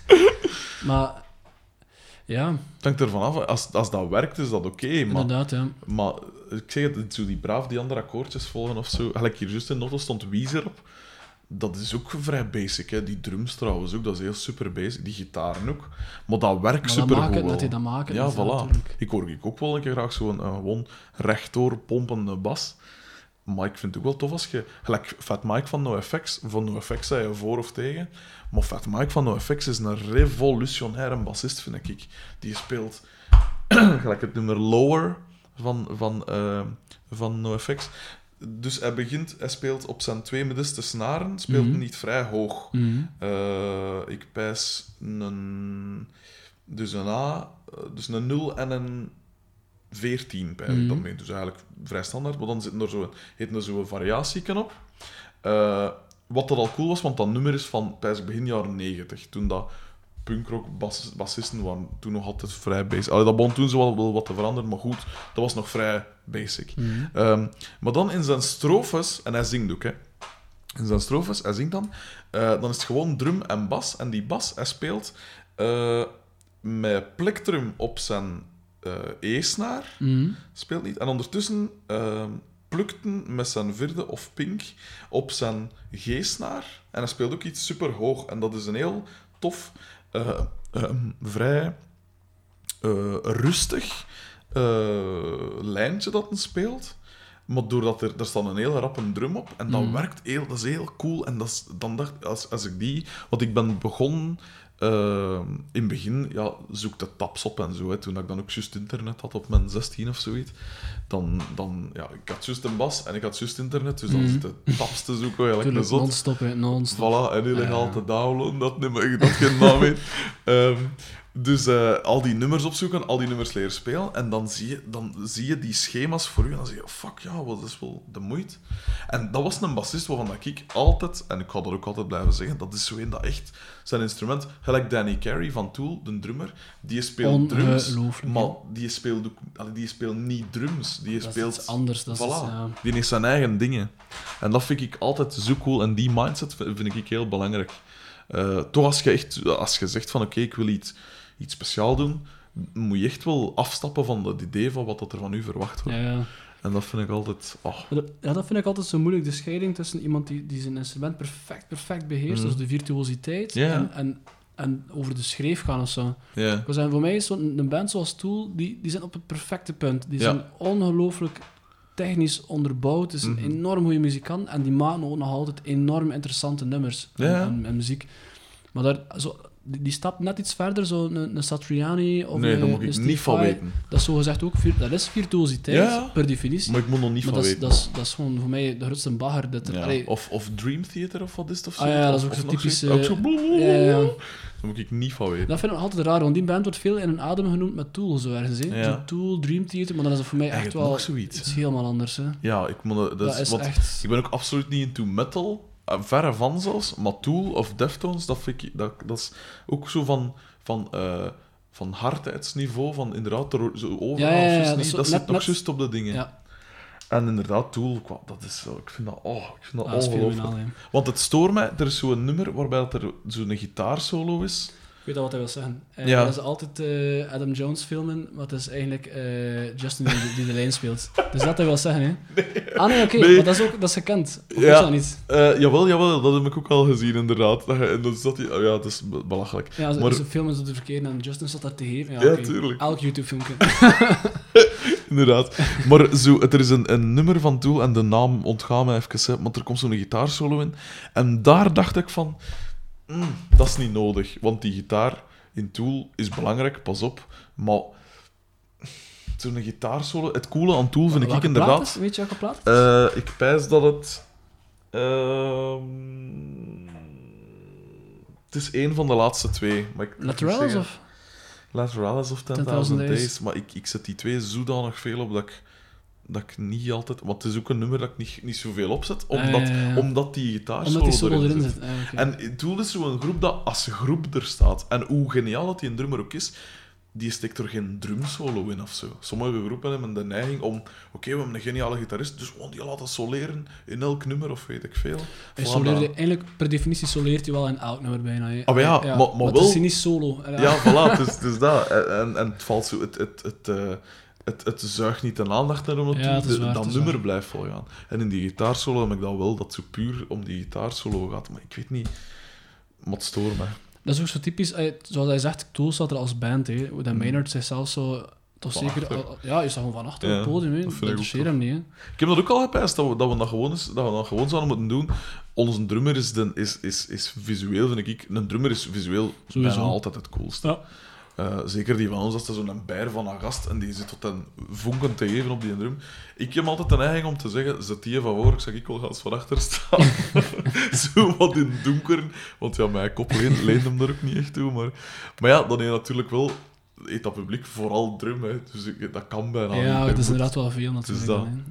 Ehm, ehm, maar eh, we, zijn, we zijn afgeweken. Hè. Ehm, dus uw basstijl, heb je ook qua eh, gerief echt specifieke voorkeuren? Dat je zegt van dat moet die klank zijn of dat moet dat merk zijn? Of... Ja, ik, ik denk dat met mijn klank ligt wel redelijk vast. Ik weet heel goed wat het moet zijn van klank of zo, Mhm. maar de, de, de exacte invulling daarvan, ik wil zeggen, zo'n soort merken eh, aanhang of zo, Mhm. dat heb ik niet specifiek. Ja. Het, laatste, het beste voorbeeld is gewoon op wat ik nu speel. En C, de Marshall versterker, dat is voor mij zo'n beetje het, het prototype van zo'n beetje de, de, de standaard rockband. Zo, ah, we zijn een Mhm. rockband, dus we kopen de Marshall. En ik zou dat nooit kopen, misschien dat is mij net iets te, hoe moet ik het zeggen, te, ja, Ja. te, te voor de hand, nee, niet voor de hand ligt, zo'n beetje, ja, het is te, niet... te, te mainstream of zo? ja, te mainstream, Iedereen doet ik. dat gewoon. Niet, niet, niet individueel genoeg of zo, Ja. of niet alternatief genoeg. Maar hebben die basdingen eigenlijk? Ik, ik Ja, heb dat mijn, nog nooit bij... ik heb mijn hij toch, mijn, eh, mijn Marshall VBA 400. Wat een beest, jongen. Letterlijk, dat weegt, hij weegt 45 Ja, kilo, denk ik. het al gezegd. Dat is juist, Dat is op die inhallen je dan Dat is nog gezegd. 400 watt lampen, zuiver Want ik heb nog nooit op een Marshall basversterker gespeeld. Ik Dat is een fenomenale versterker. Ja? Ik had die gekocht. eh, ik, er was een tijd dat ik zo zei van, oké, ik, ik heb zo mijn versterker nu. Ik had zo die grote kast en zo- zo'n solid state, eh, een Galen Kruger, denk ik, Mm. versterker op. En die, die sound was echt wel tof, maar ik wou zo echt net dat... Ik hou echt wel van die, die oversturing op een basgeluid. Dus op mijn licht, hè. Dus Ja, dat die clean dingen, blijft, hè. maar gewoon dat, ran- dat randje eraan. Ja. Je hebt ook een lampenversterker. Ja. En ik zocht zo in en ik dacht, ik had eigenlijk heel graag een high-watt gehad. Een Oh, high-watt, een high-watt, versterkers. een DR103 of zoiets, of ik weet niet hoe ze precies heten. Zo eind jaren 70, zo in. En ik had die gevonden, ja, die kostte zo 1200 euro. En ik dacht, oké, het kan nog. Dat, Mhm. dat, of het was tot 1500 of zoiets. Mm.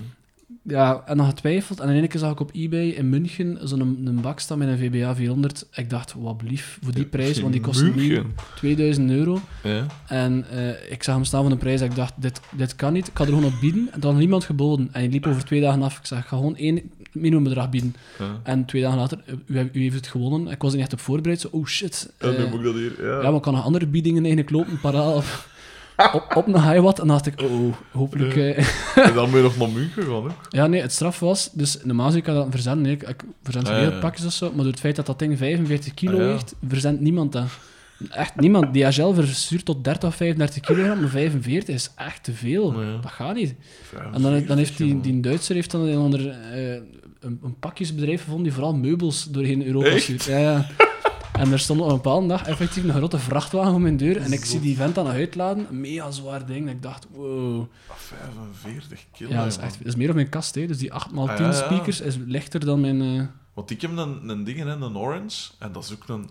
die nu ook 30 waarschijnlijk. Ik pijs, ik pijs 26 of zo. ja. Maar dat van is 5, dat is 20 kilo meer, hè. Ja, dat is echt heel is veel. En het probleem is, je moet hem altijd bovenop die kast krijgen. Ja, dus voilà. er komt een punt dat je moet heffen. Het is al een ramp om hem te dragen, maar dan moet je hem echt boven je gewicht heffen. Man. Dat is zeer... Maar is dat, is, is dat dat dan waard? Dat is het allemaal waard. Ja? Die versterker, dat is echt... Want ik heb al zitten pijzen. Ik heb al zitten pijzen. Ik was onlangs in de, in de Key Music. En ik had, ik had een filmpje gezien van dingen van Juan Alderete van eh, de Mars Volta. Ah, ja, Ja, de bassist ervan. En dat was zo'n rig rundown. En liet ze eerst Ah, ja, ja, ja, pedal ja. aan bak zien. En dan gingen ze naar zijn versterkers. En het was juist voor een optreden. En dat was... eh ze zat zijn kabinetten. En daarbovenop stonden zo twee eh Ampeg Portaflexen. Van Ah, heel dunne dingetjes zo. Van, nee, dat was toen nog... Dat was iets nieuw. Dat was zo'n nieuwe... Geen dingen, hè. Geen... een eh, eh, alleen met dat glas al zo precies. ah ja, die, Niet dat, de naam- is dat een, een V4 of zoiets? V4B of zo? Ik weet niet wat dat is. Maar zo die, die Portaflex, dat is ook zoiets. Iets, eh, ik bij Solid State of zoiets. Of, of, allee. Ehm, en dat, dat weegt 5 kilo. En ehm, ik... want Mark Base doet ook van die dingen, hè, van die Ja. heel dunne, Ja, ja. lichte dingetjes. Super lichte bakjes, hè? Jawel, maar ik, Mark ja, dat is ook zo'n merk van... Ja, ik weet dat die wel... Ja, die zullen wel goed zijn in wat dat ze doen. Maar Maar, zo'n beetje te clean, te Ah, wel, steriel, hè? maar Zo'n ik dacht- jazzachtige... Ah, maar ja, maar ik pijs dat, ja, Ampeg, dat, dat, als je pijst, ja, basversterker of iets van basgerief, komt Ampeg vrij snel eh, naar boven. Dus had ik dan een keer getest, omdat ja, ja, 26 kilo of 5 kilo. En dat klonk eigenlijk echt nog wel goed. En nu ben ik aan het overwegen. Maar zie, ik, stond, ik stond al in de min en ik heb juist een nieuwe verst alleen een reserveversterker. En nu ben ik echt aan het overwegen om mij dat dus ook aan te schaffen. Maar 5 kilo, het is, het is verleidelijk. hè. Ja, Zo'n Portaflex 500 of zoiets was het, pijs ik. ja, het kan En dat wel. kost dan niet van een Ik weet al wat hij was 400 zeggen, euro of zoiets, ja. zo. 400 euro of zo. Terwijl die een Orange dat kost, godverdikke, twee- 2000 euro of zo. Ik ben nog Dus- hele zomer weer gaan werken. Plus lampen eh, vervangen is een duur aan... Ja, ik weet het. Inderdaad, want je moest ze direct allemaal vervangen. Ik dacht Ja, ik ja. even goed is. hè. Ik heb Ja. het ene keer moeten doen nog maar. Maar vraag, ja, is het de moeite waard? En, en C, het is, het is dubbel, hè. 40 kilo, ja. Eh, ik weet ook, laatst speelde in de zevende dag speel ik zo door een, door een eh, was dat een Demeter preamp? Ik weet niet wat het was. Hm. Het was echt een heel goede preamp, gewoon dat clean bas erin en dat was fantastische Ja. sound. En deel van de sound is toch altijd hetgeen hij ervan maakt ook. Ik was een, Ja. ik heb zoveel affiniteit met die versterker, dat is echt, dat is een soort emotie dat ik daarvoor voel. Ja, Natuurlijk, natuurlijk klinkt hij beter, eh, zonder twijfel. Klank zit, klank zit altijd tussen je oren, nee. dat is Nee, niet dat is geen had, dat is hetgeen hij er zelf van maakt bijna. ja, dat is juist. Maar ik weet wel, live is dat wel echt de max. Iedere keer eh, op een podium vind ik, Mm. als het een groot podium is en het bas uit die monitors, dat trekt op niet veel, Nee. dan heb ik echt liever dat het uit een kast komt vol een bak. En ik weet, hij, is nog- is nooit voorbij de 2 geweest van de 10, dus... Mo- ze- het podium ik. waar ik hem kan opendraaien, moest nog bouwen, denk ik. Zalig. Hoe, en wat bas speel je? Is dat jazz wat je gespeeld? Een jazzbass? Nee, altijd een precision. Precision. Oh ja, heerlijke Ja. precision. Het zal wel. Maar eh, jij gaat... Want, dus ik heb nu die Precision dan gekocht. En die nek, dat was wel wennen. Pas op.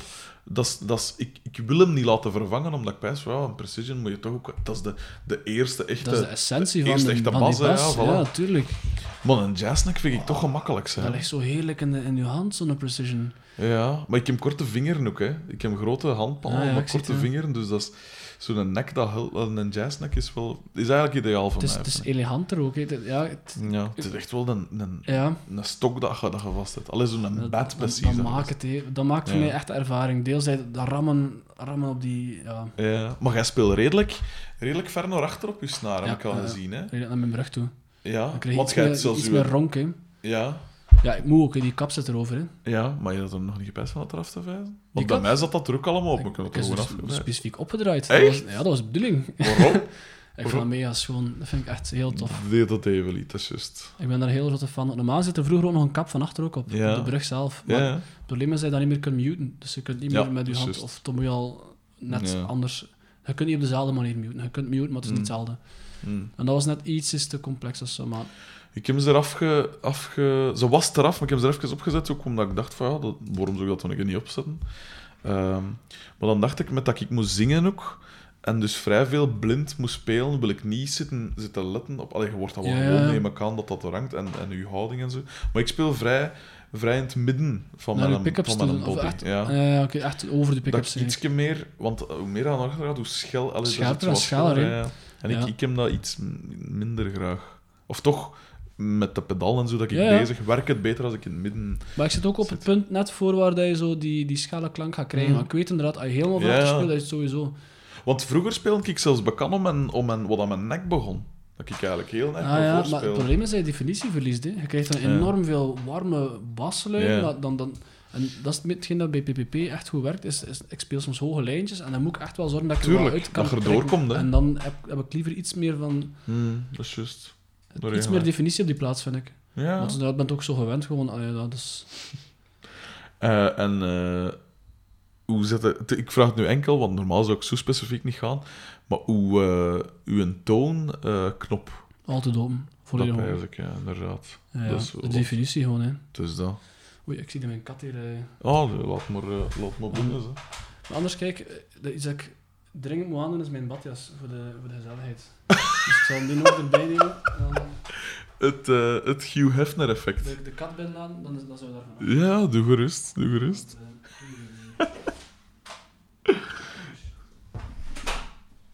Ja, en dat is een typisch, hè. Binnenkomen, trots zijn, trots zijn met de natte poten in de living. Eh,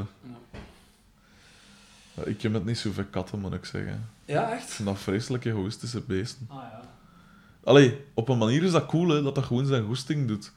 Maar ik weet dat niet, als je dan toch zo eten verkoopt en je, je zorgt dat dat warm zit, dan mag dat toch iets weergeven, vind ik. Ah, maar moesjes zo lief, zou die slapen bij mij s'nachts? En ik op de schoot liggen? Ja, maar dat is omdat zij wil slapen, hè. Maar dat is het mooie, dat is omdat zij dat wilt. En een hond doet dat onvoorwaardelijk. En als een kat bij u komt, dan is dat omdat ze er echt zelf voor gekozen heeft. En dat is niet omdat ze, zij iets wilt van u krijgen of zo, die komt echt omdat ze zelf bij u wil zijn. En bij een hond is dat... Dat is echt zo onvoorwaardelijke gehoorzaming. Allee, dat, dat Mm. vind ik niet even mooi of zo. Ja, pas op, ik ben niet zo, want ik heb al zitten pijzen. Ik, ik wil al van kleins af een hond, maar we hadden er nooit ja, het geld niet voor. En ook niet de. de allee, als mijn moe, allee, toen, mijn, ik nog ouders meervoud had, dan eh, ja, die moest toch wel werken. En toen dat mijn, mijn vader dan wegviel, ja, dan was het enkel mijn ma, dus ja, dan zou die honden gaan staan alleen gezeten hebben. Maar ik ben toch aan het overwegen om me dat, als ik ooit weer eens geld heb, uiteraard, om mij toch eens een hond aan te schaffen. En ik ben niet zo iemand dat dan zo naar donnenschool door mee zou moeten gaan. En die moet niet kunnen zitten en die moet ook geen, trucjes doen. Die mag er gerust gewoon wat rondtageren voor mij. En ik wil nog een super intelligent hond zijn, ook wat ik zo liefst eigenlijk een bulldog. En dat zijn, Oh jong. dat zijn vrij dom honden eigenlijk. Ja, ja. Eh, maar heel lief, not schijnt. Hè. En die blaffen ook, dat kan niet. Dat, dat loopt er gewoon wat te kwijlen. En al. ja, maar dat alleen al... Ik zou me dat niet aantrekken. Ik Ja, vind, het een, een, een, een, een, een hond lijkt altijd... Of een eigenaar, en, een hondeneigenaar en een hond, dat is eigenlijk zo wat hetzelfde. hè. Dat is een heel, heel belangrijke relatie, Ja. ik weet het. Ja, wel, Schijn, dus, dus ik pijs van, ja, doe ga maar je goest. Dan loop je dan maar wat te stinken en te kwijlen. En... dus al ja.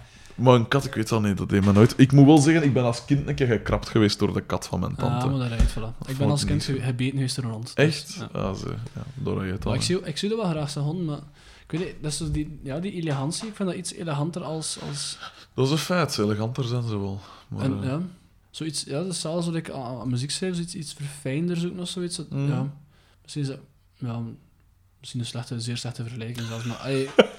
ja, Nee, maar ik versta wel wat je wil zeggen. Dat je dat deed ook te zien bij met je manier van bassen dan. Je kunt Mhm. inderdaad gewoon slaafse volgen. gelijk een hond. Dat je gewoon inderdaad je, wat dat de gitaar doet en je volgt gewoon en dat is allemaal oké. Of je kunt er iets meer proberen insteken en een, een keer een accentje hier van het een of het ander, of een keer hoog gaan, of een keer dit Ja, of ja, dat. het zou wel, het zou wel. Dus dat verstond ik wel, hè. Maar heel veel van onze lijnen zijn zelfs eh echt melodielijnen, hè, waar, het, Mm. waar de bas gewoon de Ja, melodie voilà. speelt. Onze nieuwe single Wait and See, dat is gewoon... Mm. Die baslijn doet heel de... Voilà. Zorg voor die, ja, die bewegingen dan hebben we aan. Ja, tuurlijk. Ja. Ehm, eh, wat ik ook nog wel vragen, speelde jij, want dat heb ik niet goed of niet op gelet op eh Halle Rokt. Wat ge- gebruikte jij iets van pedaal? Of is dat puur bas? Ja. Wat dat dan? Het is minder en minder geworden ergens. Nee, ik had u verteld, ik kom van een enorme setup waar ik Ja. enorm veel pedalen had. Ja. En dan, dan blijkt, eh dat, dat live is dat vooral als bas is dat heel moeilijk om daarmee door te komen of zo. De helft van de Mhm. keer als je oversturing gebruikt, ja, juist. in de mix valt dat toch niet echt helemaal op of zo. En verlies je zelfs heel wat laag of zo. En, Ja. val je soms gewoon weg. Allee, en net Mhm. op het punt waar je oversturing in doet, is het meestal, nu moet het harder gaan of zo. En Ja. dan, eh, je kunt dat natuurlijk anders instellen, maar dan heb je soms enorme volumeboost. Dat is ook niet zo gemakkelijk. Nee, dat is juist. En eh, het begin had ik ook drie oversturingen of zoiets. Zo eentje voor daar, eentje voor daar. Een beetje alle soorten flavors aan, aan oversturing. En ja, dan misschien na, na een tijd toch het, bes- het verstand gekomen van oké, liever één deftige, deftige sound. Mhm. En daarmee dan alles doen. Ja. En dat is allemaal een beetje teruggekeerd naar, naar de essentie. Ik wil zeggen, wat zit erop? Een tuner, mijn, mijn klon Centaur, die clone Mhm. dat ik hierover vertelde. Ja, dat, ik juist. nog- dat ik voor u ook nog ga bouwen. Maar die, is, die is fenomenaal. Dat is echt de allerbeste pedaal. Uh-huh. Ja, een Dien en een, een chorus. En dat is het ongeveer. Ah ja. Ja. En een octaver voor eh, hier af en toe een keer een effectje bij te Ja. maar dat is, dat is het ook. Hmm. Ja, vroeger stond er een delay bij en alles, maar dat zijn dingen... Ja, in, in een sfeer zoals een, een Tool-achtige band, zo, dat soort muziek kan kan je dat dat wel, heel ja. goed gebruiken, is dat echt een max. Ja. Maar ja, daar is er geen plaats voor of zo, en hetgeen dat wij doen. Hmm. Dat is juist. Dus zeker als je vergelijkt met een band zoals de Strokes, die gewoon zeggen, voert hier, Gewoon bas. dit, dit is gewoon... Ah, ja, en ook wat gitaar, nee, gewoon, dat is, dat is gewoon. Ja, voilà. Niet te veel. gitaars, Maar het ja. ding is ook, allee, dat, is, dat is nu absurd. Als je nu mijn dingen ziet, want allee, voor mijn bas alleen gebruik ik nu eh 6, 14, 16, ik ben 16 Dat pedalen. is absurd veel, hè. Dat is, Dat is absurd veel. Vooral, Die kabeltjes ertussen, je moet dat sowieso miserie gehad. Nee, ik had altijd dat miserie. nog niet. Ergens een patchkabeltje die niet meer in orde is, Ja. en begin maar, hè, live. Maar ik pak er, ja, inderdaad, dan even dan is het echt miserie. hè. Dan even. En ik had dat Maar ja, dan smijt ik het weg, hè. Dan, dan zeg ik, oké, zonder effect. Hè. Eh, want dat is dus natuurlijk wel de dingen. Het is niet mijn, niet gans mijn... Allee, ik split mijn kanaal, ik heb het u al eens Ja, verteld, het, dus ik, het, ik ja, split het in twee dingen. Ehm, eigenlijk nu gisteren had onze gitarist problemen, dus dan heb ik gezegd, ja, zwier mijn effecten eruit en speel jij op dat gitaarversterker. ja. Ehm, ehm, maar eh, de eerste... Ik ben begonnen met bassen op mijn 15. En ik pijs dat ik mijn eerste... Mijn eerste... Ja, ik had op een duur had ik wel een... een distortion. Mhm. Zo'n... eh een full-tone bass drive MOSFET dingen. Cool, cool spel. Op aanraden van Peter, omdat ik dus ook van eh, Brutus, omdat ik dat dus ook geen ballen verstand van hem heb. Dat is Mhm. altijd op aanraden van Ja, ja. dat ik, dus als je dan vertelt over die Clone Centaur, ja, dan is dat zo, ah, dat zal wel goed zijn. Ja, ik heb al een De distortion. Centaur is gewoon algemeen aanvaard. Maar wel, het schijnt, ja. Je hebt het waarschijnlijk al opgezocht. Ondertussen, ja, toen dat je me van vertelde. Fenomenaal. Eh, inderdaad, ja. En, ehm, ehm, maar dus bijvoorbeeld toen dat ik bij Mirko Banovic van eh, dingen ging, van eh, Arno, de bassist van Arno, onder andere, en van tiental andere dingen, die toonde me er ook een paar pedalletjes. En dus ja, drie weken daarachter waren die gearriveerd bij mij. Eh, ook al wist ik niet echt wat ik er moest mee doen. Maar ik wist van ja, die scapes en wat is het allemaal. En dus daarvoor dat ik die wel bezig natuurlijk. Ja, maar tot, totdat ik bij Motec speelde, en dat is ehm, drie jaar geleden, pijs ik. Dus echt nog niet langer. Ik word nu 29, dus pak dat ik 26 was. En wel de eerste 11 jaar heb ik eigenlijk zonder iets van Niets. effect. Nul. Zelfs een stembakje heeft vrij lang geduurd. Ik had Oh, zo een, een, zo wat plat als ook, ken dat? Voor een- eigenlijk... eh, Ja, voor... Zo zonder... ja, geen Een muziekschool Ja, meer, zoiets. voilà. achtige, Ja. Dat had ik mee, omdat ik wist, ja, voor een optreden... Hè, een keer dat je Ene keer? Ja, En dat was het. maar ja... Maar ik kon stemmen heel weinig. Ik weet niet hoe dat komt ook, dus dat... dat... mm, Daar geloof ik niets van. En een café had waar? warm wordt, maar ja, dat is sowieso weg. Ja, maar nee, ik bedoel, voor de... Niet tijdens een optreden, heb ik toch? heel weinig. Ik weet niet Enkel van, dat u, komt. van uw spelen. Ik merk dat als ik hard speel, harde nummers, mijn, mijn bas ontstemt gewoon. Maar Dat ik speel- super ik- stemmechaniek. Ik speelde heel lang, heel, eh, heel subtiel, heel, eigenlijk echt Ah. heel kort bij mijn snaren. Niet zo ramma, ramma, ramma, wat ik nu meer doe. Hè. Maar heel gewoon echt zo, bijna geen, geen plaats ja, tussen mijn snaren, de, allee, geen lucht ertussen. Ehm, Maar dan live is dat toch een nachtmerrie zoiets? maar ik moet ook wel zeggen dat ik een paar jaar ook gewoon niet, niet, niet live gespeeld heb. Ah, ja, ja. Maar Ja, in- thuis gaat dat, man. Maar van mijn pak dat ik met mijn eerste groep toch 35 keer is dan opgetreden hebben. Zonder stembakje. Zonder stempedaal. Eh, Dat bakje, ja, voor, voordat we gingen. Voordat we begonnen, dan Ja. had ik een stemmen en dat was het. En voor de rest niks van, van dingen. Geen, Zo geen straf. booster, geen, geen, geen, geen, geen, geen distortion tot, tot eigenlijk mijn... Ja, dat was op mijn 223, pijs ik. En dat, dat was mijn eerste groep al gedaan. Dat was echt, echt het absolute... eh, collectie en nu, en nu is het absurd. Want nu heb ik ook nog veel pedaal dat ik zelf niet bezig Ah ja, ben, dat is iedereen. Hè. Ik, ik ook heel, heel schof. Ja. Dan kun je gewoon kiezen hè, wat het er allemaal Maar is. ook zo een Mooger Fooger, hè. Dat de, kost dus- ook, hè. Dat kost dus 500 Ja, dat is euro, hè. een mega duur pedaal. En ik bezig dat dus niet, hè. Ik heb dat gekocht, dat leek super cool en dat is super cool. Maar dat is voor live is dat vrij moeilijk om zo goed te... Allee, bak ook, ja. Dat ik al. Hoeveel plaats pakt dat niet in, ja. Dat is, dat is zoiets, hè. Dat is echt veel. Wat gisteren voor ons speelde Soldier Six, geweldige groep trouwens, die moet je checken. En eh, de Rudy, de bassist ervan, die speelt met twee van die Mooger-Foegers ook. En dan zo nog twee pedalen, best een volume en, een- en een Twee? of Waarom zoiets. twee? Andere instelling of Ik zoiets. pijst, ja, of, of, of eh, twee, het verschillende moegervoegers. Hè, van die, het een was dan een... Ik weet niet wat dat was. Ik heb een, ik heb een, eh, eh, een MIDI-Murph, een moegervoeger, MIDI-Murph. En daar kun je heel rare dingen mee doen. Eh, Ja, dat, ja, dat, maar dat is, dat is heel... dat is het probleem aan zo'n pedaal. hè. Dat is, er is Dat is super tof groot, om mee ja. bezig te zijn of zo, maar allee, je kunt geen dat ik doe, kan ik dat no way gebruiken. Ik kan dat nergens tot, zijn recht Ja. Je kunt dat niet gebruiken, gewoon dat, dat past niet. Ik, nee, Ehm. bij mijn gewoon basgeluid zou dat inderdaad niet passen, maar dat is enkel voor die escapes en Als zo. zoiets doet, dan is dat natuurlijk de max om zo... Ja, Dat is juist, dat is juist. Maar Ja. 16 is eigenlijk te veel, want dat weegt ook veel te veel. Dat is echt... 16 Dat is, al- en dat is dan in zo'n flight case. Wat en dat is een dat? merde. Dat is echt, die case is zonder zever.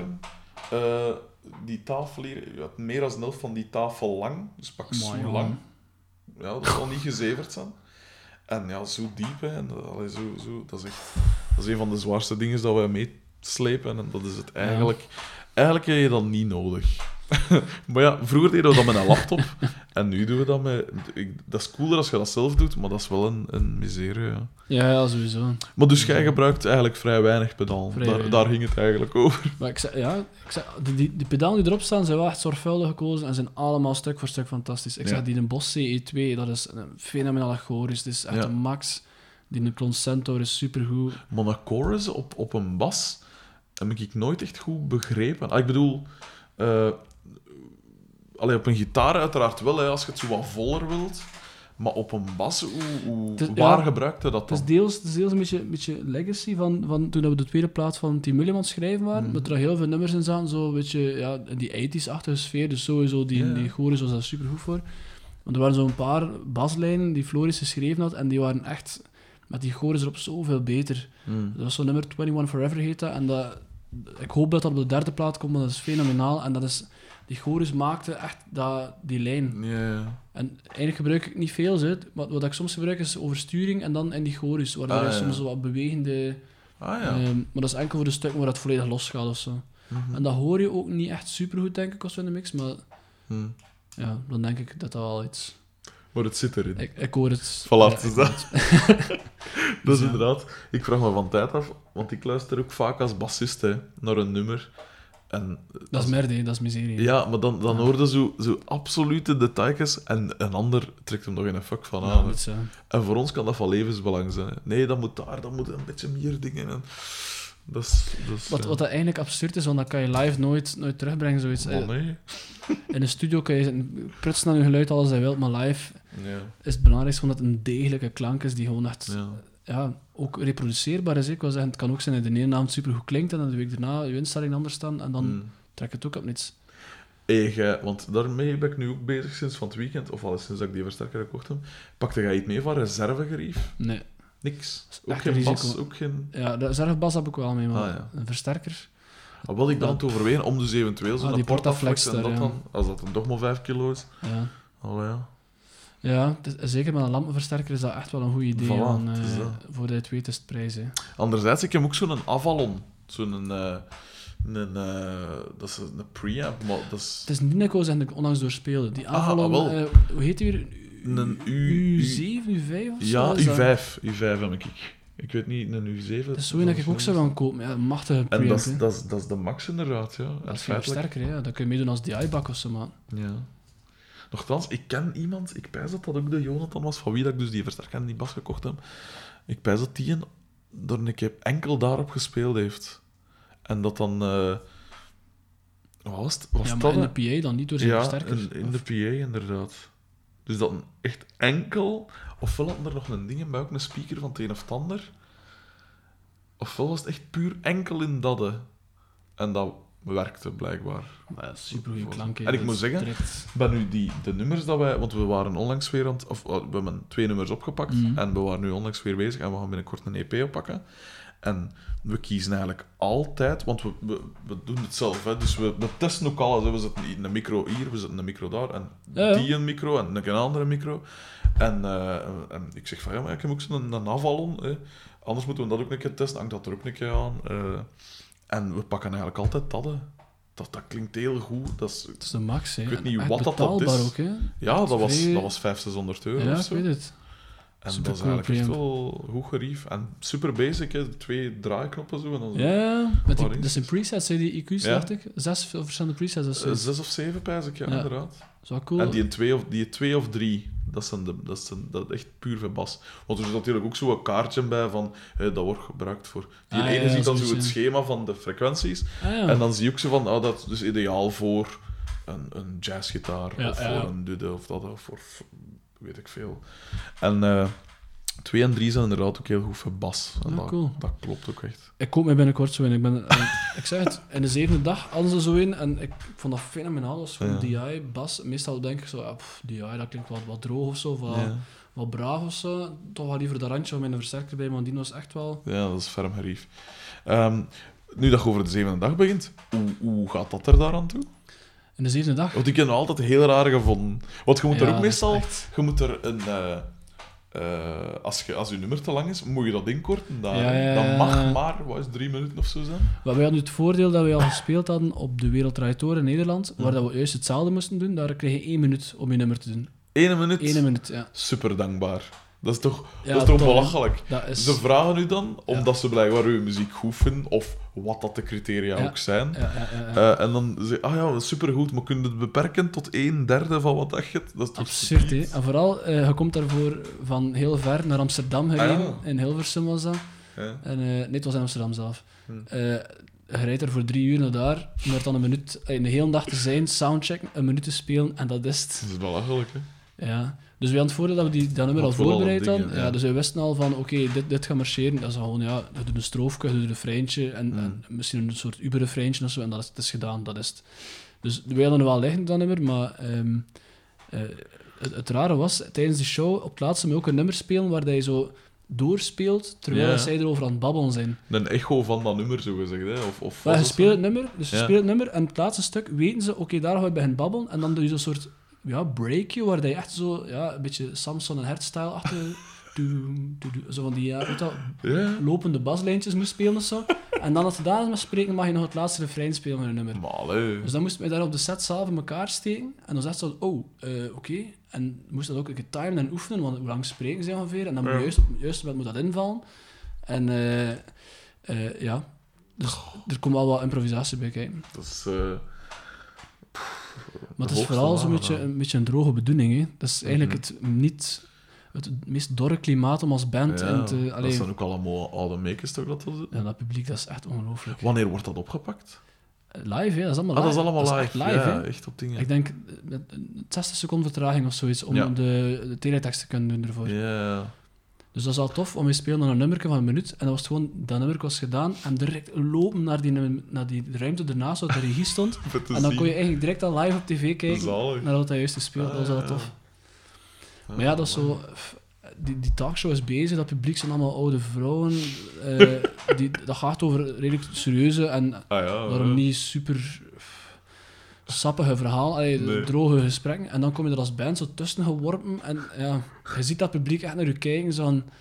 Wat is dat hier in godsnaam plus? Er is eigenlijk geen PA in die ruimte, dus de eigen oren zijn enkel de drum en de gitaarversterkers, maar die staan allemaal heel stil, dus oren zijn eigenlijk vooral drum. En, dus die mensen zitten in de studio waarschijnlijk daar te denken, wat, is dat hier eigenlijk? Wat, ja.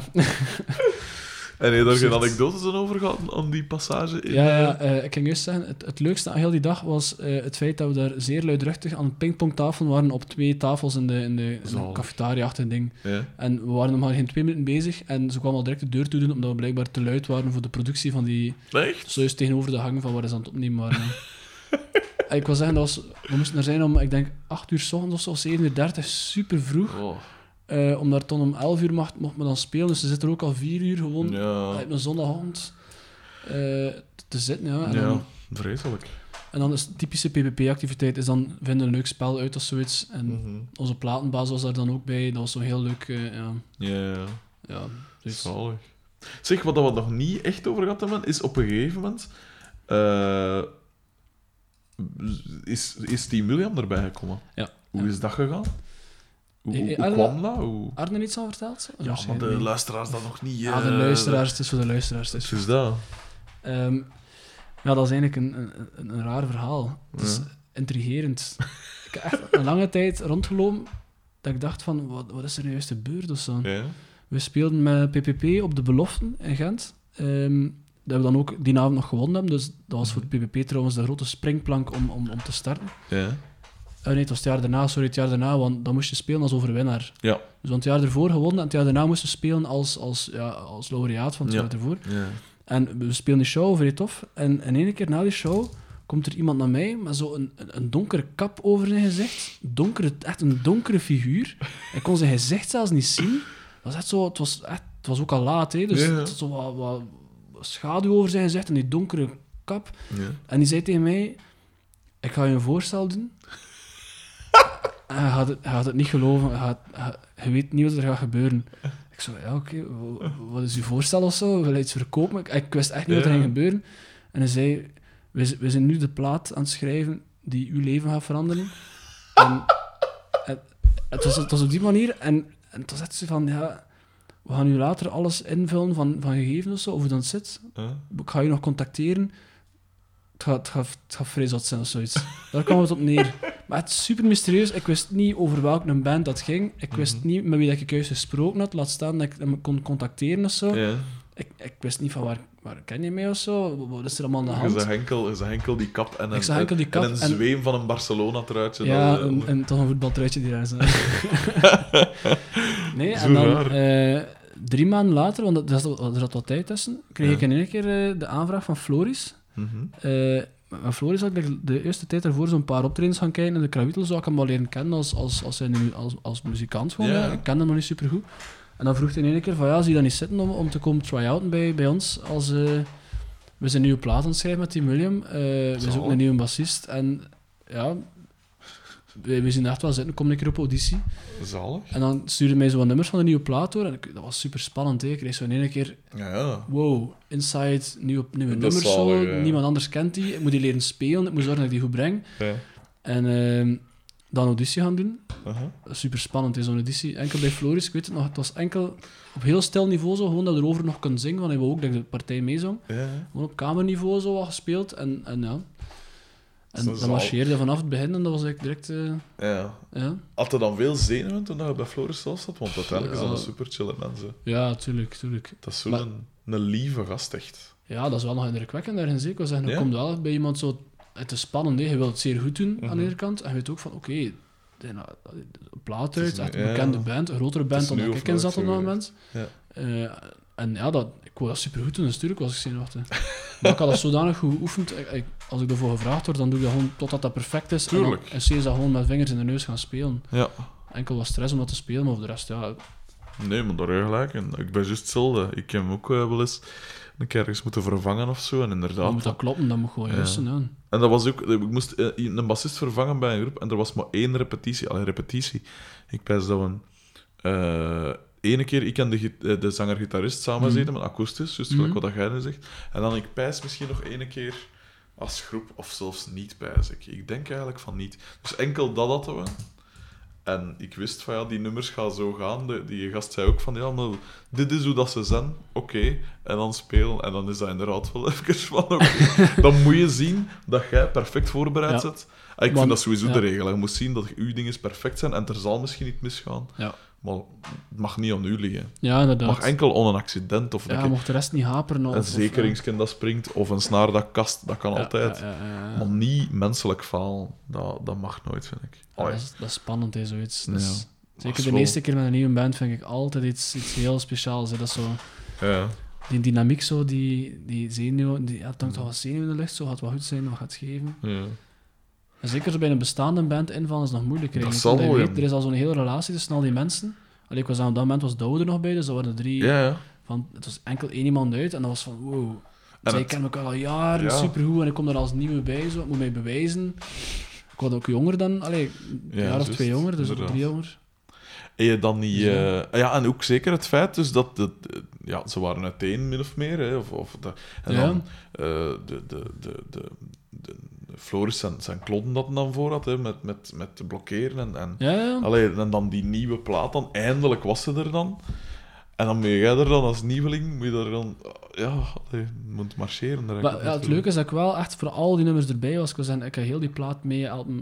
Ik, was niet aan het meeschrijven, maar mijn partijen zijn wel zelf aangepast geweest. Ik was aan veel Tuurlijk. partijen in Floris geschreven, maar iedere keer mijn eigen... Mijn Uw eigen- ding. Ja, het is dat. Het is dat. Dus eh, op het moment dat we dan de keer op het podium staan, dan was ik, was ik al zo was diep in die band. Ah, Ja, voilà. Dat dus was dat, dat uw kun je dan ook uitstralen. Ja, ja, tuurlijk. Dat is juist. Dat, is wel, dat moet toch gans verschillen. Want als je inderdaad... Pak nu dat er maar bij zou komen zijn nadat die plaat uit is. ja, dat is raar. hè. Dat. Dat is iets volledig anders. Want dan heb je zo van... Ja, maar moet ik nu de plaatversie spelen? Ja, ja, hè, wat dat de mensen misschien gaan verwachten of gaan Of kennen of, mijn weet ik veel. eh, Dus, maar dat is inderdaad ja, het is wel, waar, het is waar. Dat is inderdaad wel cool. Ehm, en eh, wat ik wil nog altijd... Want dat was de eerste keer dat ik u eh, zag, was Pukkelpop, hè? Was dat niet de eerste keer dat wij elkaar Eh, Ja, dat kan wel. tegenkwamen? Kan ik blijf het, want er is nog even gezegd, ik vind dat zo... Ik vond dat zo cool van Nullen, dat gaan, dat gaan er voor open stond, van, dat er dus een vetzak in een, met een kattenmasker en onder een suje op wil. Want dat was... En ik heb me achteraf... Ik, ik, ik realiseer, allee, op het moment zelf wist ik ook wel van, oké, ja, die gasten... Dat, is, dat was de eerste keer Pukkelpop, ik, sinds de... Ja. Sinds, gans de, ja, sinds het weer samen eh, Ja. zijn en al. Ja, ja, ja, ja. En dat gaan dan dat moment, hè, een, eh, ja, je, je hebt Pukkelpop en je hebt Werchter, dat is zo de, de, de heilige tweevuldigheid.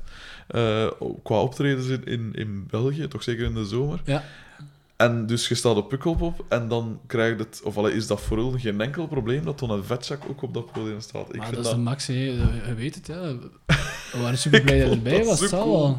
Ja, natuurlijk. dat, was, dat was, en vooral, dat is dus onze eerste ontmoeting, hè, moet je rekenen. Dat is mooi eigenlijk, hè? Dat is eigenlijk zeer mooi. Dat is wel mooi. Want ik zat dus te Ik moet je voorstellen, ik zat dus een uur... Ja, ongeveer een, eh, een uur. Ik, het was twintig voor vijf, pijs ik. Gelle moest spelen om vijf? Ja, ik weet het. Ja, het kan zijn. Ik pijs... Ja, hij zat er al even zonder, En dus ik was, ik was na de vorige groep direct gekomen, want juist, niemand is mocht zien dat ik onder dat ding kwam. Ja, ja, tuurlijk. Dus om twintig voor, kwart voor, zette ik mij in dat stoelje. En Gelle was dan zo vriendelijk voor zo een, een, eh, het kampeerstoelje te zoeken. En eh, ik zet mij in dat dingetje en ga- ik had mijn eigen eh, bedlaken mee, want ik dacht, ja, die gasten zullen dat misschien niet mee hebben. En, en, en ik zat eronder en dan kwam iemand kwam met nog een flesje water. Ja, ja, Pepijn kwam je nog drank geven, voilà. Ja. En dat heb ik wel van doen gehad, want dat was super warm onder die maar seuze. die tent, hoe warm was dat? En ik zat dus... Ja, het is niet dat er zoveel lucht is Zot. onder zo'n dingen. Dus ik heb daar constant zitten vasthouden voor mijn handen en zo wat koud houden. Of Ja, soms ja, dan ga je tuurlijk. zeggen- En af en toe zit ik een drinken. Ik zo, maar ik, ik moest roerloos blijven zitten. Dus zo, die lippen dat zo wat meegingen. En dat was, dat was, dat, maar dat was een supergoed optreden. Dat was Maar ongelooflijk. Hij- Dat was zelfs de eerste keer dat ik jullie live zag. Allee, hoorde. Ja, goed, ja. En dat was supergoed.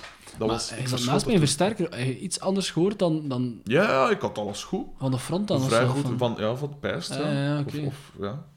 Ja, maar dat was een heel strakke show, ik weet dat nog. Dat was echt de moeite. Dat was, iedereen stond in vuur, dat was niet normaal, Want ik, ik kende die eerste plaat. Die tweede kende ik natuurlijk zo goed nog niet.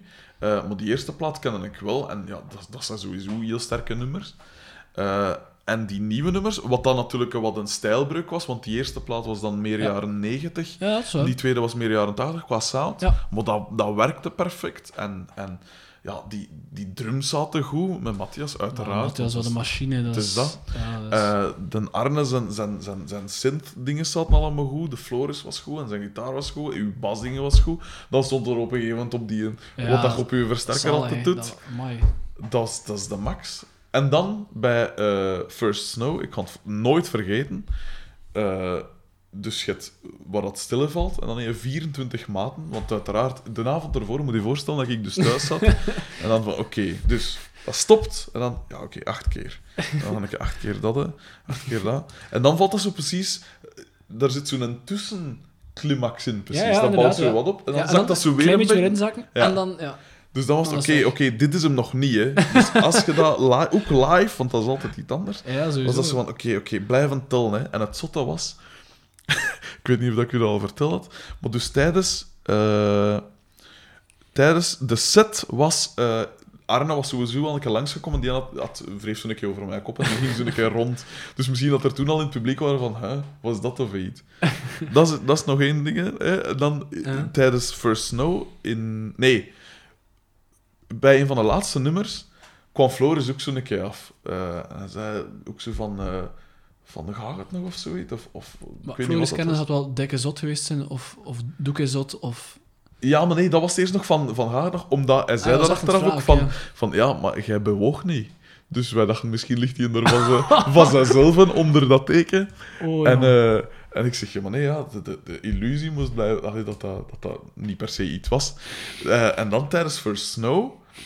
Ik zat te tellen. hè. Het was dus die, dat stuk waar dat nummer moest zingen. En ik zat te tellen. hè. 1, 2, 3, 4...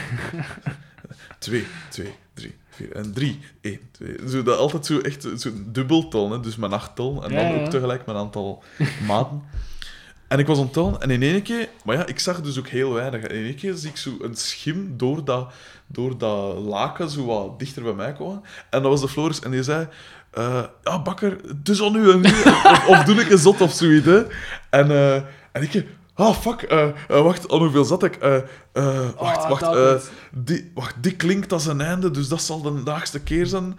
Dus nu zal het 9 zijn. Maar ja, ik moest 24, dus maar of hetzelfde geld was dat dan ja, al... 12 of zo. zal Dat kan de volgende reeks van. Wat hoort dat wel een beetje, hè, als je een reeks van 4 zit.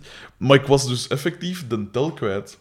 Eh, en dan dacht ik, kom, dat, dit gaat 9 zijn. Dit gaat 9, dat kan niet anders. Dat was nog niet zo ver. En ik zat, ik zat te tellen, hè, en inderdaad. En dan kwam zo die eerste dingen. Ik dacht, oh fuck, dat gaat hem toch nog niet doen. Want ja, als ik daar al zo tevoorschijn Ja, gesprongen dat missen. dat zou ging- belachelijk dat heel zijn. Amai. En dan eh, was ik toch blijven zitten. En inderdaad, oeh, dat was dat. hè. En dan wist ik... allee, het, kwam, het kwam een schot in gang. En dan ja, sprong ik met die dingen. Maar ik zat ook... Tijdens dat nummer had ik zo al wat stress van... Ja, stel nu dat, die, die, die, die, die, dat laken dat onder mijn voeten of zo blijft hangen. Of, Ja, ja, of dat ik zo ja. dat masker mee afsmijt per accident. Of weet ik veel. Of dat ik struikel over iets. Op dat moment komen al die scenario's boven. Oh. Want er staat er...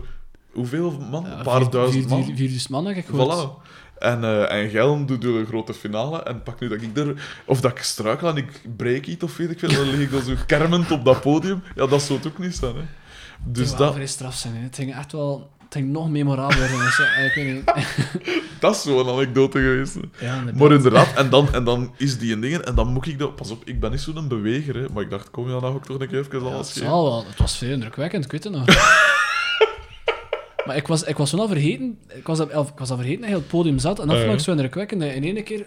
Ertussen Floris en ik aan het springen waren aan het doen. Dat was zo... Wow. Het was voor mij zelf een climax. Echt zo'n... Wow. Dat was heel... Ik kan me echt niet voorstellen wat dat iemand in het publiek moet gedacht hebben. Want die zien, er, die zien ook die finale, die leven ook mee met die climax. Ja, ja. En keer komt dan een vetzak dat podium op ge... Dat is, maar dat was super cool. Dat is een van de coolste momenten, pijs ik uit mijn leven. Want, Amai. want Geile ging euforisch dat podium af. Terecht, na een super optreden, na zo'n lange eh, eh, ja, stilte en Ja, rust ja, dat is, dat is. Maar ik was even euforisch, want ik, had, ik wist waarover dat ik moest schrijven de volgende dag. Ja, tuurlijk, ja. En, en ik weet nog, en dat ga ik ook nooit vergeten, dat ik dan zei van, hey, merci hè, gast, merci dat ik dat mocht doen. Heel dankbaar. En ik wist ook, ja, die foto's gaan de max zijn, eh, van onze fotograaf dan. En het zotte was, dus ik was aan het bedanken, en ga zo, ja nee, jij bedankt, en jij bedankt. Zo heel, heel sober. En dat vond ik direct de Ah, max van dat is de classic, de, de Team Williams-style, dat, hè. Ah, wel, maar Dat dat is- is echt zo. Dat is echt zo. En dat, dat, was is zo tof. cool. Dat, Maar ja, dat maakt een meer groep... dan wat het was of zo. En, en dat, Ja. dat is voor mij een meerwaarde geweest of zo. Allee, ja, ja, maar een normaal groep zou zeggen van, ja, zeg, onnozelaar, was dat even iets? ja, maar ja, dat, dat, dat zit wel deels in de, in de Team Williams-mentaliteit, hè, zoiets. Dat is echt wel cool. Eh, eh. Dat was echt ferm. Zag je dan het publiek eigenlijk door, door die deken? Of, of is dat Het enige dan? dat ik zag was die een, die een in- en uitgang had zo een groene Ah, pijl en zo'n rood dingen. En ik zag, ja, ik zag zo wat licht binnenkomen in die tent. En ik zag dus een beetje wit door dat laken. En ik zag dus wel ook dat volk. En ik hoorde dat volk uiteraard ook. Het is een nummers, dat was toch Maar ik zat, gelijk dat je zei, er voor, die, voor dat optreden, was tot tien minuten of een kwartier ervoor, was er niemand in die tent. En dus de moment dat ik eronder ging zitten, was er ook inderdaad nog niemand. inderdaad, en het moment dat ik er dan uitsprong, was dat van mij ook wel echt van, oh, wat zit die stampen vol. Dus dat was wel heel, heel raar eigenlijk. Maar wel cool. Maar het zijn zo'n ervaring die de max zijn gewoon. Ja. Dat is, ja... Zijn er ze nog, en dat is eigenlijk altijd mijn, mijn, mijn slotvraag, maar ik ga ze nu al vroeger stellen. Maar zijn er ze nog van die verhaal dat je, ofwel bij eh, PPP ofwel bij Team William, dat je pijst van, miljard, dat was toch iets, iets speciaal. Of dat was een vreselijk optreden, of dat was juist een supergoed Ja, optreden, of, of, of zo de, de trip naar een optreden, want dat vind ik eigenlijk altijd nog het tofste, zo de trip naar een optreden, of terugkomen zo. ja, Ik kan er altijd van genieten. Zeker het weerkomen eigenlijk. ja, aan het terugkeren werk ik zeer gewoon mijn slaap te van het busje. Dat is bekomen van de... Ja. Nee, ik, ben niet. altijd, ik ben altijd mee wakker voor, als pak dat mij. Dat is de camionet van onze drummer. En pak dat die in slaap zou vallen of zo. Ja, ja oké. Maar je zit ook maar twee in de auto misschien of zo. Of... Met drieën. Ah ja, wat drie dan. Met drieën, ja. Maar in het busje zitten we soms met zeven mensen. Dat, is echt, dat kan super tof zijn, maar meestal op naar huis rijden is het gewoon ja, dat kan ik wel zo, zo voorstellen. echt laat s'avonds. Hmm. Ja, geile sluit dingen af, hè. Dat is het verschil, hè. Ja, dat is nog niet echt spelen.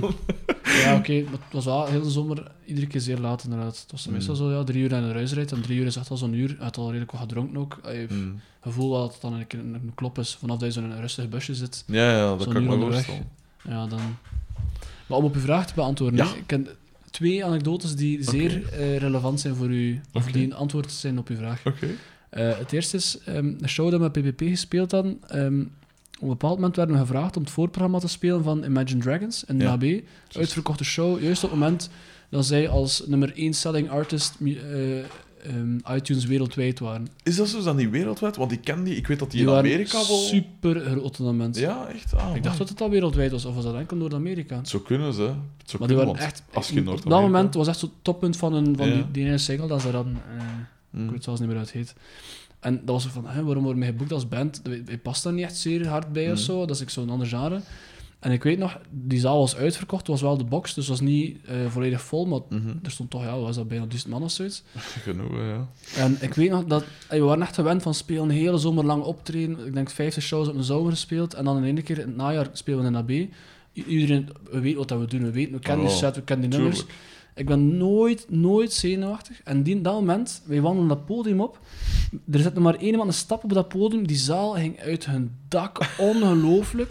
maar dat, ja, je moet dat voorstellen, dat waren allemaal allee, 50% tienermeisjes. Ja. Die er gewoon allemaal waren voor een enorm leuke avond. Die er al super lang naar uitgezien Ja. hadden. Die komen daartoe in de AB, een mooie zaal.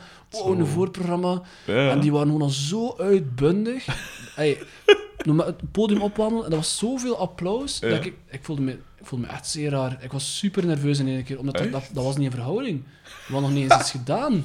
Ja, nee, dat is zeggen, meestal is dat zo, bouwt dat op door een optreden en merken mensen, dat is echt leuke muziek. Oké, ja. va, het wordt tof, maar nu was het gewoon podium op en forfaitair krijg je daar een soort concert in je gezicht. Maar dat volume was ongelooflijk. Mhm.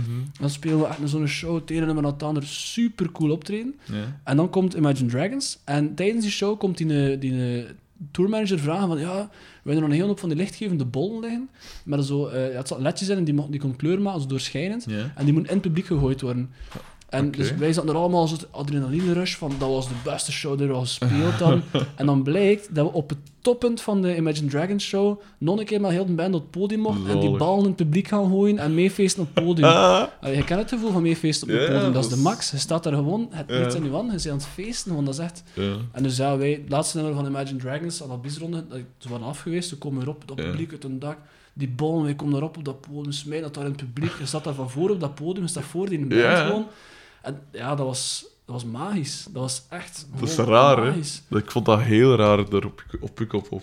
Terwijl Dat een groep van spelers en jij staat mee op dat podium. Echt absurd. Als ja, jij horen daar dan thuis, omdat je dat voorprogramma ja, inderdaad, ja. Maar zelfs dan nog is het toch raar dat je Dat dus blijft echt... Ja, ja. Ik, ja, ik bij School is School deden we dat ook af en toe, dat wij zo mee op podium Ja. hingen. Eh, altijd tijdens... eh was dat tijdens New Kids in Town? Ik weet niet meer.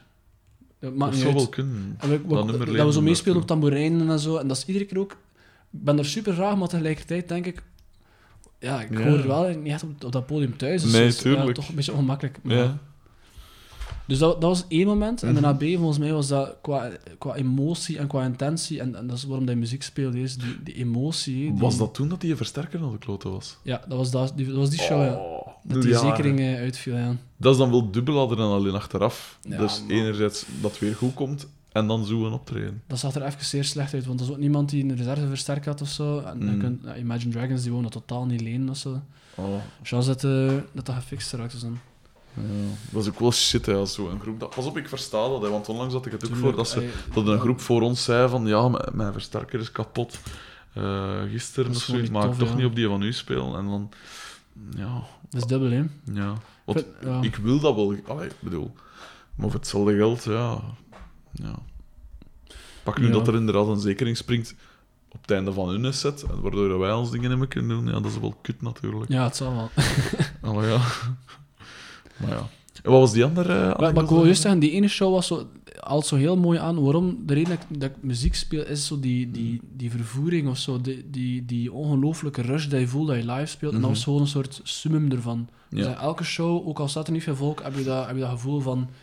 Hij is live aan het spelen, die adrenaline en dat, dat, Mhm. dat verhaal aan het vertellen zijn. En dat, Ja. is dat zo mee.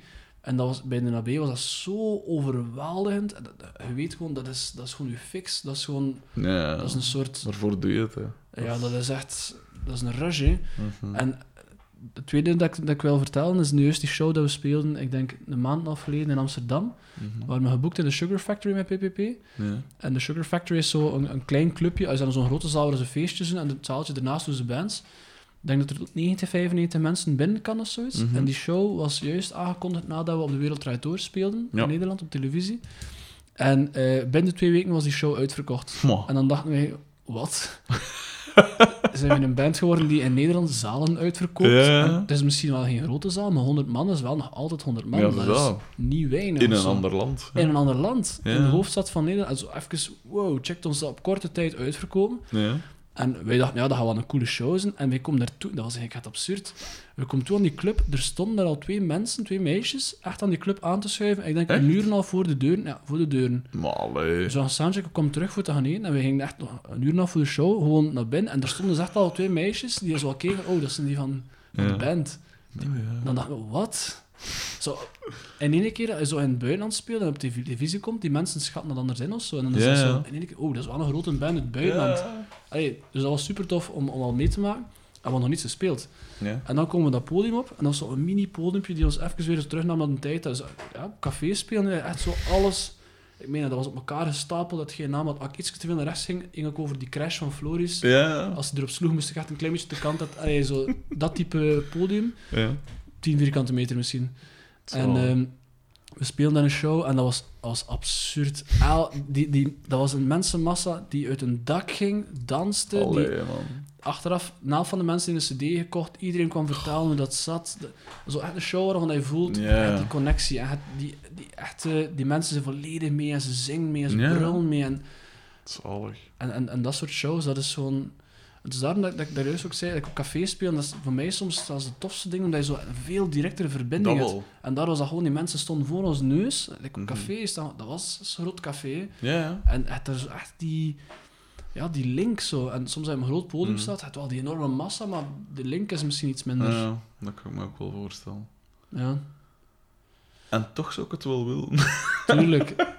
Ja, ik ga dat niet ontkennen. Dat zijn de tofste shows, absoluut. Zal en hoe groter dan ze zijn, eigenlijk, denk ik, hoe toffer. Allee, ja. Ja.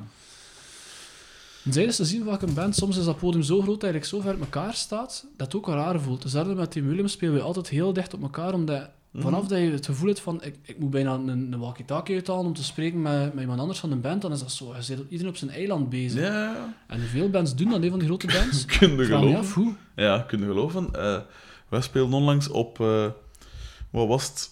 Stockwood in Denderleeuw. Ja? Wat dat iets superklein is. Dat is van de scooten daar, ik. Ja. Eh, echt iets klein.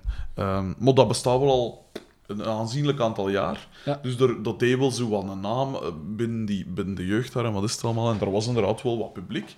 Maar dat was het grootste podium waar dat wij nu met ons groep al op gespeeld hadden. En eh, dat was misschien ehm, in zijn geheel, in zijn geheel, van hier tot waar dat uw eh, woonruimte daar begint, waar dat er weer licht is. Zo. Zo'n meter of, meter of tien. Ja, zoiets. Pak 10 meter of zo. Hè. Maar voor alles, hè. Dus dan stond... eh, wat, wat was natuurlijk niet op de rand van die dingen gezet, maar dus we stonden pakt 2, 3 meter uiteen. 3 meter uiteen pakt. Dat is Eh, ver. Ikke, met een gitarist en een drummer. Want we zijn dan ook maar met drie, dus we hadden plaats genoeg. Ja, ja, ja. Eh, en dat was inderdaad... En dat is, dat is niet te vergelijken met Pukkelpop of weet ik veel. En zelfs dat was voor ons wel... We zijn echt gewend van... Op, op, op, bij wijze van... Ja, deze ruimte hier, hè. Ja, van, ja, van, maar- is dat? Vier op drie Maar- of zoiets te spelen? Super belangrijk als band. Hè. Die, Want wat hij zo zegt, dat je zo met je kop vlak tegen een cymbaal staat, dat doen wij dus elke keer. ja, ja. ja. Mijn linkeroor is, is, is al wat aan het achteruit gaan, omdat van dat dus. Hè. Maar dat is... eh, Ik heb wissel van kant dan, hè. Gewoon een keer... dat Dat- op zijn minst in evenwicht Ja, wat anders. Nee, maar, eh, maar dat is... Pas op, ja, en zeker als je dan op pedalen meet, dat is ook niet ideaal. Zo. Dan sta je echt zo op een klein... Nee, ik, ja, zeker met je Plekje. bord, jong. Amai. Het is, Als ja. je misstapt, zit je op een op pedaal daar. Dus als ik mag kiezen tussen... eh laat ik, ons zeggen... ja, ik ga ook geen seconde twijfelen, ik weet het, maar het is... Ja, Maar ik versta wel wat dat wil zeggen. Dat je inderdaad zo dat, dat je bijna... Want ik zie slecht in het donker. hè. Ik heb ook een bril eh, als het is ver te kijken. En in het donker wordt dat dan natuurlijk exponentieel slechter. Ehm, en gelijk gisteren in de, in de Kinky Star, ja, dat publiek zat daar op twee meter of Ja. een meter van mij. Maar Ja. ik zie die gezichten niet scherp. Hè. Dus dat is wel tof. Als ze dan zo inderdaad nog dichter zijn, dat je ze wel even afziet. Dat deed ah, wel maar dat vind ik wel sowieso... Ik zie niet graag mensen scherp tijdens optredens. Hè. Nee? Ik draag een ik ook, ik- ik- ik, doe hem altijd af om te spelen. Ah, wel, ik ook wel. Ten eerste, omdat men altijd bedoemt, uiteraard. Maar inderdaad ook wel om zo... Want ik ben vrij... Op het podium vrij verlegen. Qua... qua ik ben zo in een show. Allee, Mhm. Ik heb zo in movejes gereed zitten, of weet ik veel. Eh, en ik kijk gewoon, ook gewoon... Ik kijk wel naar mensen hun gezicht. En ik weet wel waar dat die ogen min of meer zijn. Ja, ja, ja, maar het is ook Maar, waas zo. Ja, het liefst van al heb ik inderdaad wel zonder. Tenzij als het echt een super optreden is en je ziet echt dat ze mee zijn. Dat is natuurlijk Ja, wel... dat zie sowieso. Ik zie die waas van de gezicht, Ja. dus ik zie niet als er kijkt of niet, maar je ziet wel dat mensen aan het meedansen zijn. Ja, voilà. Die bewegingen herken Dat is juist, dat is juist.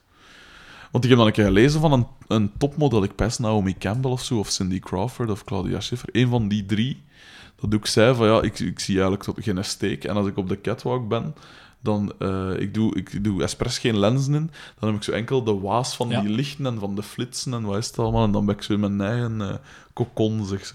Ja, maar die kritische gezichten zie je dan ook niet. hè. Want soms Ah, ja, in de show zie je zo vijf man staan Ah, ja, die zo kritisch kijkt, en terwijl de rest het wel goed vindt, maar dan focus je op die man die zo... Ja, tuurlijk. En ja, dat vind ik zeer confronterend. Hmm. Dat wil ik liever niet. Ik liever gewoon die show op het beste spelen dat ik kan, en achteraf als ze zeggen dat het slecht is of als ze het Hmm. niet goed vinden, oké, maar dan ik me niet laten remmen door Ja, voilà. twee man die tijdens de show... Het is dat. Ja. Iets anders nu. Eh, wat zijn de, de standaard Desert Island discs eh, vraag? Was dat zo een aantal platen dat als je ergens zou gestrand zijn met een volleybal op een eiland en een cd-speler.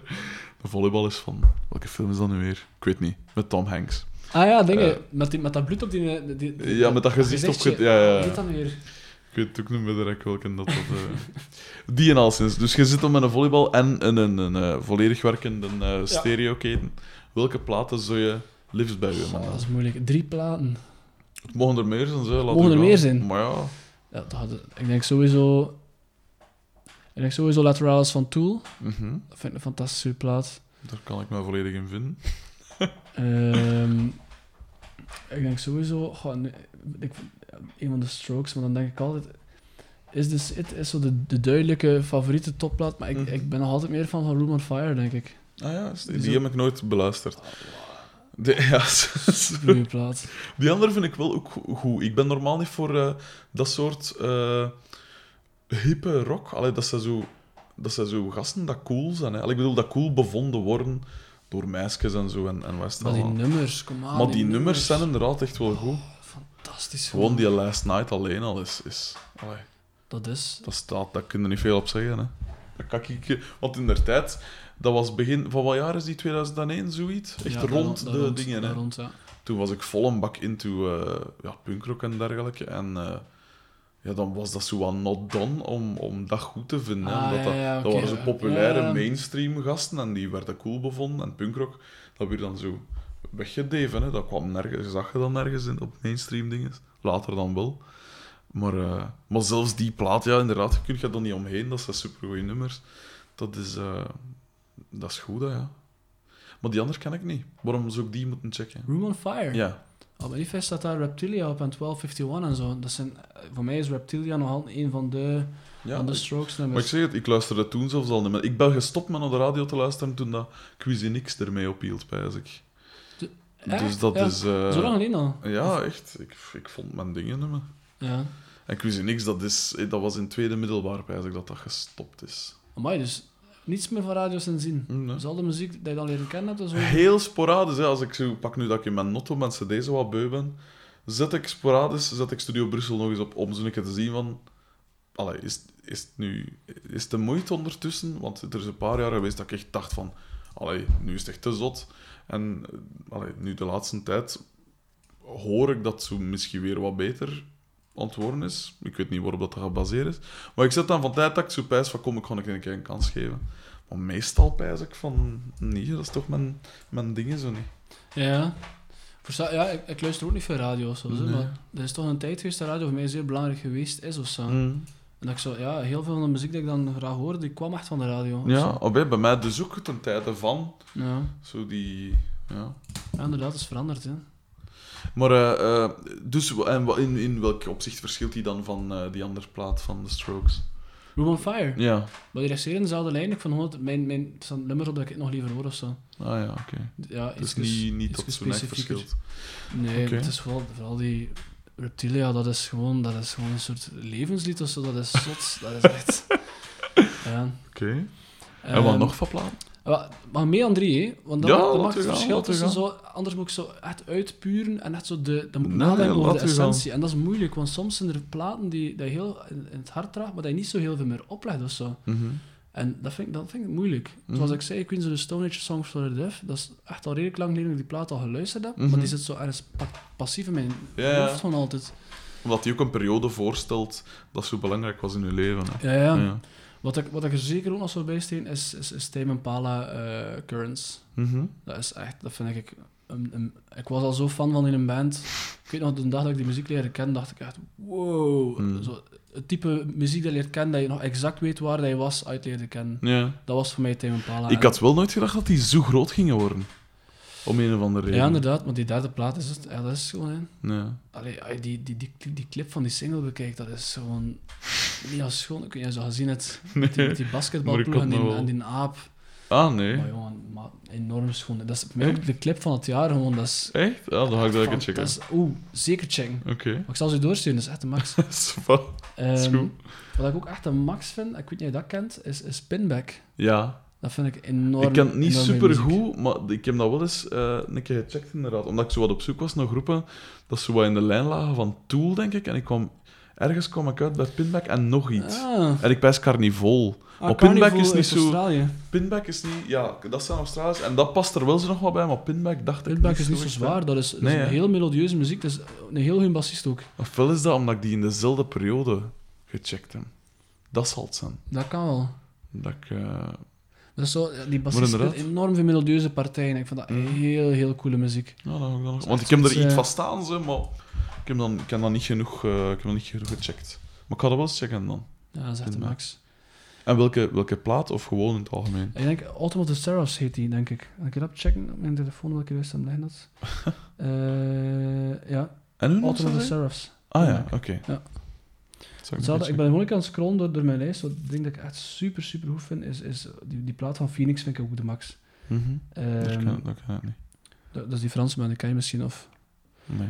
Die, ja, die, zijn, die hadden zo één, één hit op of Stubru of zo. En dan dacht ik van ja, dat, dat vond ik niet zo tof. Listomania was dat, denk ik. Ah ja, ja, dat, ja, dat ken ik wel. En dan, dat vond ik zo in, in eerste instantie niet zo tof of zo. En dan, om de een of andere reden, dat ik die eens live gezien denk ik, of, zo, of, of een filmpje van zien, dacht ik, wow, vrij cool nummer. Hm? Daarnaast, dat was iets helemaal anders. En blijkt dat die plaat, ik weet niet, tof is. Ah ja, dus eigenlijk de een max. verkeerd gekozen single eigenlijk. Ja. Niet zo representatief Ja, of zo. nu vind ik het wel een goed nummer. Dus het Ah, ja. is misschien mijn eigen mening die, die bijgedraaid is. Dus, ik weet niet. Soms moet je wennen, ja, het is dat. Eh, Eh. ja, wat nog? Wat nog zo? Ja, maar het, het probleem is, ja, ik kan er nu doorscrollen en willekeurig platen zijn dat ik goed vind. Maar ik wil er ook zo echt een platen opzetten die echt wel... Dat echt de En moeite. ik Allee. serieus nu nog passeren, is, is Gorilla Manor van, van Local Natives. Dat vind ik ook echt... Local Natives, dat is, ik denk, een van de strafste livebands aan er zijn. Ja? Hoe en wat voor iets is dat dan? dat, dat, is, dat is heel alternatief. Dat is zo ehm, enorm melodieuze gitaarmuziek, ook Mhm. zo heel fijne, niet zware muziek of zo, maar enorm veel harmonie in de zang. Ja? En eh, goh, zoals ze dat van kennen. Die naam zegt mij wel iets, hè, maar ik kan er met niks... Allee, het is echt de naam dat ik ken. Die stond twee jaar geleden op Pukkelpop en dat was echt de show, de show van dat festival. Dat was ongelooflijk. Enorm, enorm straffe muzikanten. En, Ja? ja. Zal ik een keer checken ook. Ja, maar het is, het is, het is misschien niet, niet zwaar genoeg zo voor jou. Het is echt heel Oh, maar ik fijne- luister nog van alles, hè. Allee, ik weet niet, ja. Ja, het is echt... Ik luister nog alle genres, van blues tot hip-hop tot... Allemaal dat uit enorm van van alles. die nummers. Oh, Mm. dat is een heel uitgepuurde muziek. Zo echt heel duidelijk, Ja. super vastgelegde arrangementen. Die harmonieën zijn echt... Mhm. Cool. Ja, dat vind, ik- dat vind ik als een max. Oké. Eh, En zijn er, ehm, zijn er nog van die all-time favorites dat je echt zegt? Dus so- Songs for the Deaf en eh eh, The Strokes en zo en eh, Radiohead. En zijn er nog van die echte, dat je zegt van, die moet die moet iedereen eens gehoord of beluisterd hebben? als, al- als band of als plaat dan? Eh, je mag nog kiezen. je mag nog kiezen even. Het is zo dubbel. Er zijn ook zo recent veel platen van mij bijgekomen die ik, ik zo super goed vind, maar dat ik moeilijk vind. Of dat ik die nu... bijvoorbeeld Die, die, die plaat van, van Kurt Vile, de nieuwe plaat van Mhm. Kurt Vile, vind ik super, super goed. Ja. Maar dat is ik zo... Ik ben daar dan een tijd zeer intens mee bezig. Mhm. Drie maanden of zo. Ben ik dat, luister er heel veel naar en dan stopt dat even. Mhm. Stel ik met een nieuwe band ook Operators, de nieuwe band van de frontman van Wolf Parade. Ah ja. Eh, super Een Team William uh, eh, Team William Classic. dat. favoriet, hè, ja, Wolf die Parade. is- ik denk, als je niet fan bent van Wolf Parade, kan, kan je niet in Team William spelen. dat is echt Maar ja, Apologies uh, what is to the Queen Mary is zo'n zo ja. goede plaat. massa's goed. Oh, ongelooflijk. Dat is fenomenaal. En wat, dus juist, eh, de En zanger de kwam Operators. Operators, kwam een nieuwe Ah, plaat uit juist. Mhm. En eh, Blue Wave heet ze, denk ik. Ah, ja. En Matthias stuurde ze door naar de Facebookgroep. Mhm. En eh, ik, ik dacht, ik heb die beluisterd en ik had opnieuw voor het eerst in lange tijd zo die openbaring. Zo van, ja, ja, ja. wat heb ik juist gehoord? Zo Zoiets zoek ik ook weer al een tijd.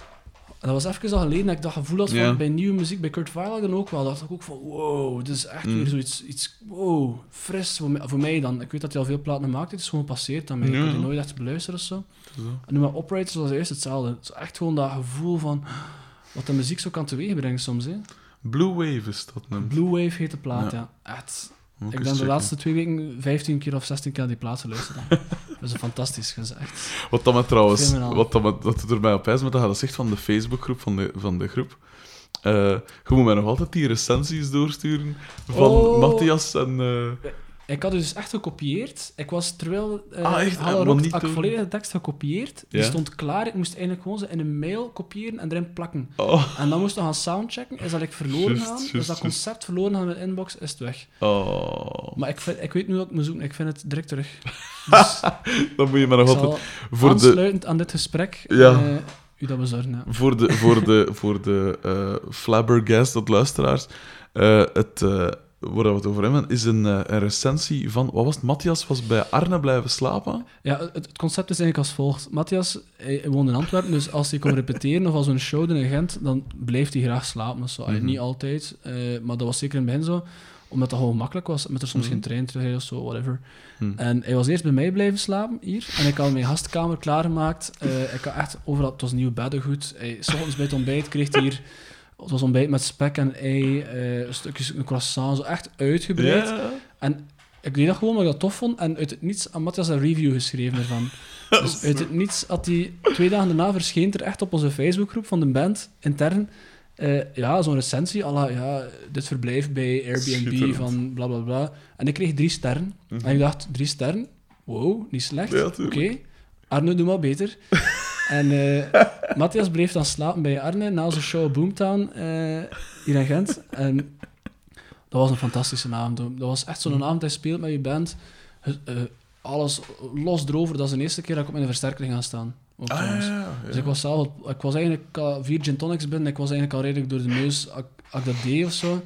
En, dus je weet zo, begin van een epische avond. En ja. ik weet nog, het was dan zo rond zes of zeven uur dat we naar huis geweest zijn. Zo super toffe avond gehad, massa's mensen leren kennen. Uh-huh.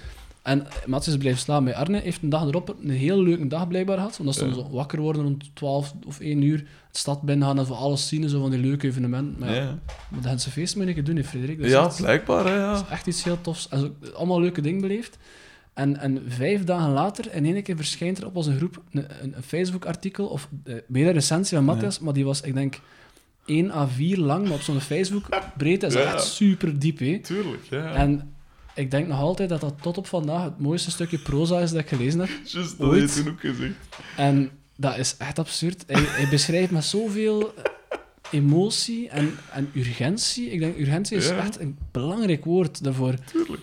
Hoe dat, die, die emoties van die avond waren. En er hing liefde in de lucht, er, er was spanning, er waren nieuwe mensen, er waren andere verha- verhalen. En hij verwoordde het zo mooi, dat iedere keer dat ik het lees, dat, dat beweegt mij echt. Ik, met, Mhm. tranen in de ogen van de correctheid van zijn...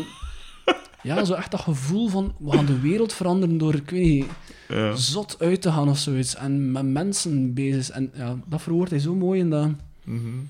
Zalig. Dus ik stuur het je Je straks moet, door, ja, je moet mij echt nog een keer sturen, want ik ben Je wel moet, benieuwd. het, hè. je moet het beoordelen. hè. En naar aanleiding daarvan, we hebben daar zo positief op gereageerd. Mhm. Ik weet nog, ik weet nog, ik het last. Ik stond in de kantine op het werk, want het was dan vijf dagen later het fansfeest gedaan. Ik stond Mhm. gewoon aan te schuiven, niets te doen. Ik zie dat verschijnen en ik begin dat te lezen. Ik begin daar luid op te lachen tussen mijn collega's. Echt van, wat is dit?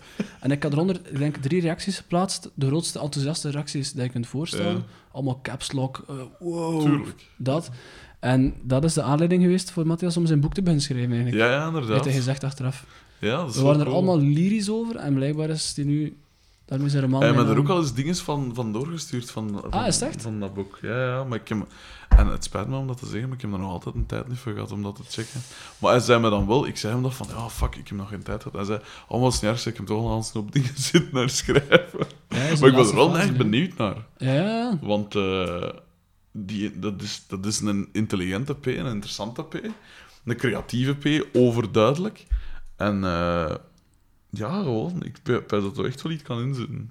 Dat is absurd, hè. Ja. Van dag op dag beslist ik ga een roman schrijven en hij, doet het effectief. En dat is echt, wow. Ja, dat is... Zeer indrukwekkend zoiets, hè. Absoluut. Ik zeg het, ja, ik, ik zei het zo ik zet ook mijn idee mijn kop, maar dat is een titanenwerk, hè. Ja, ja, om er, ja.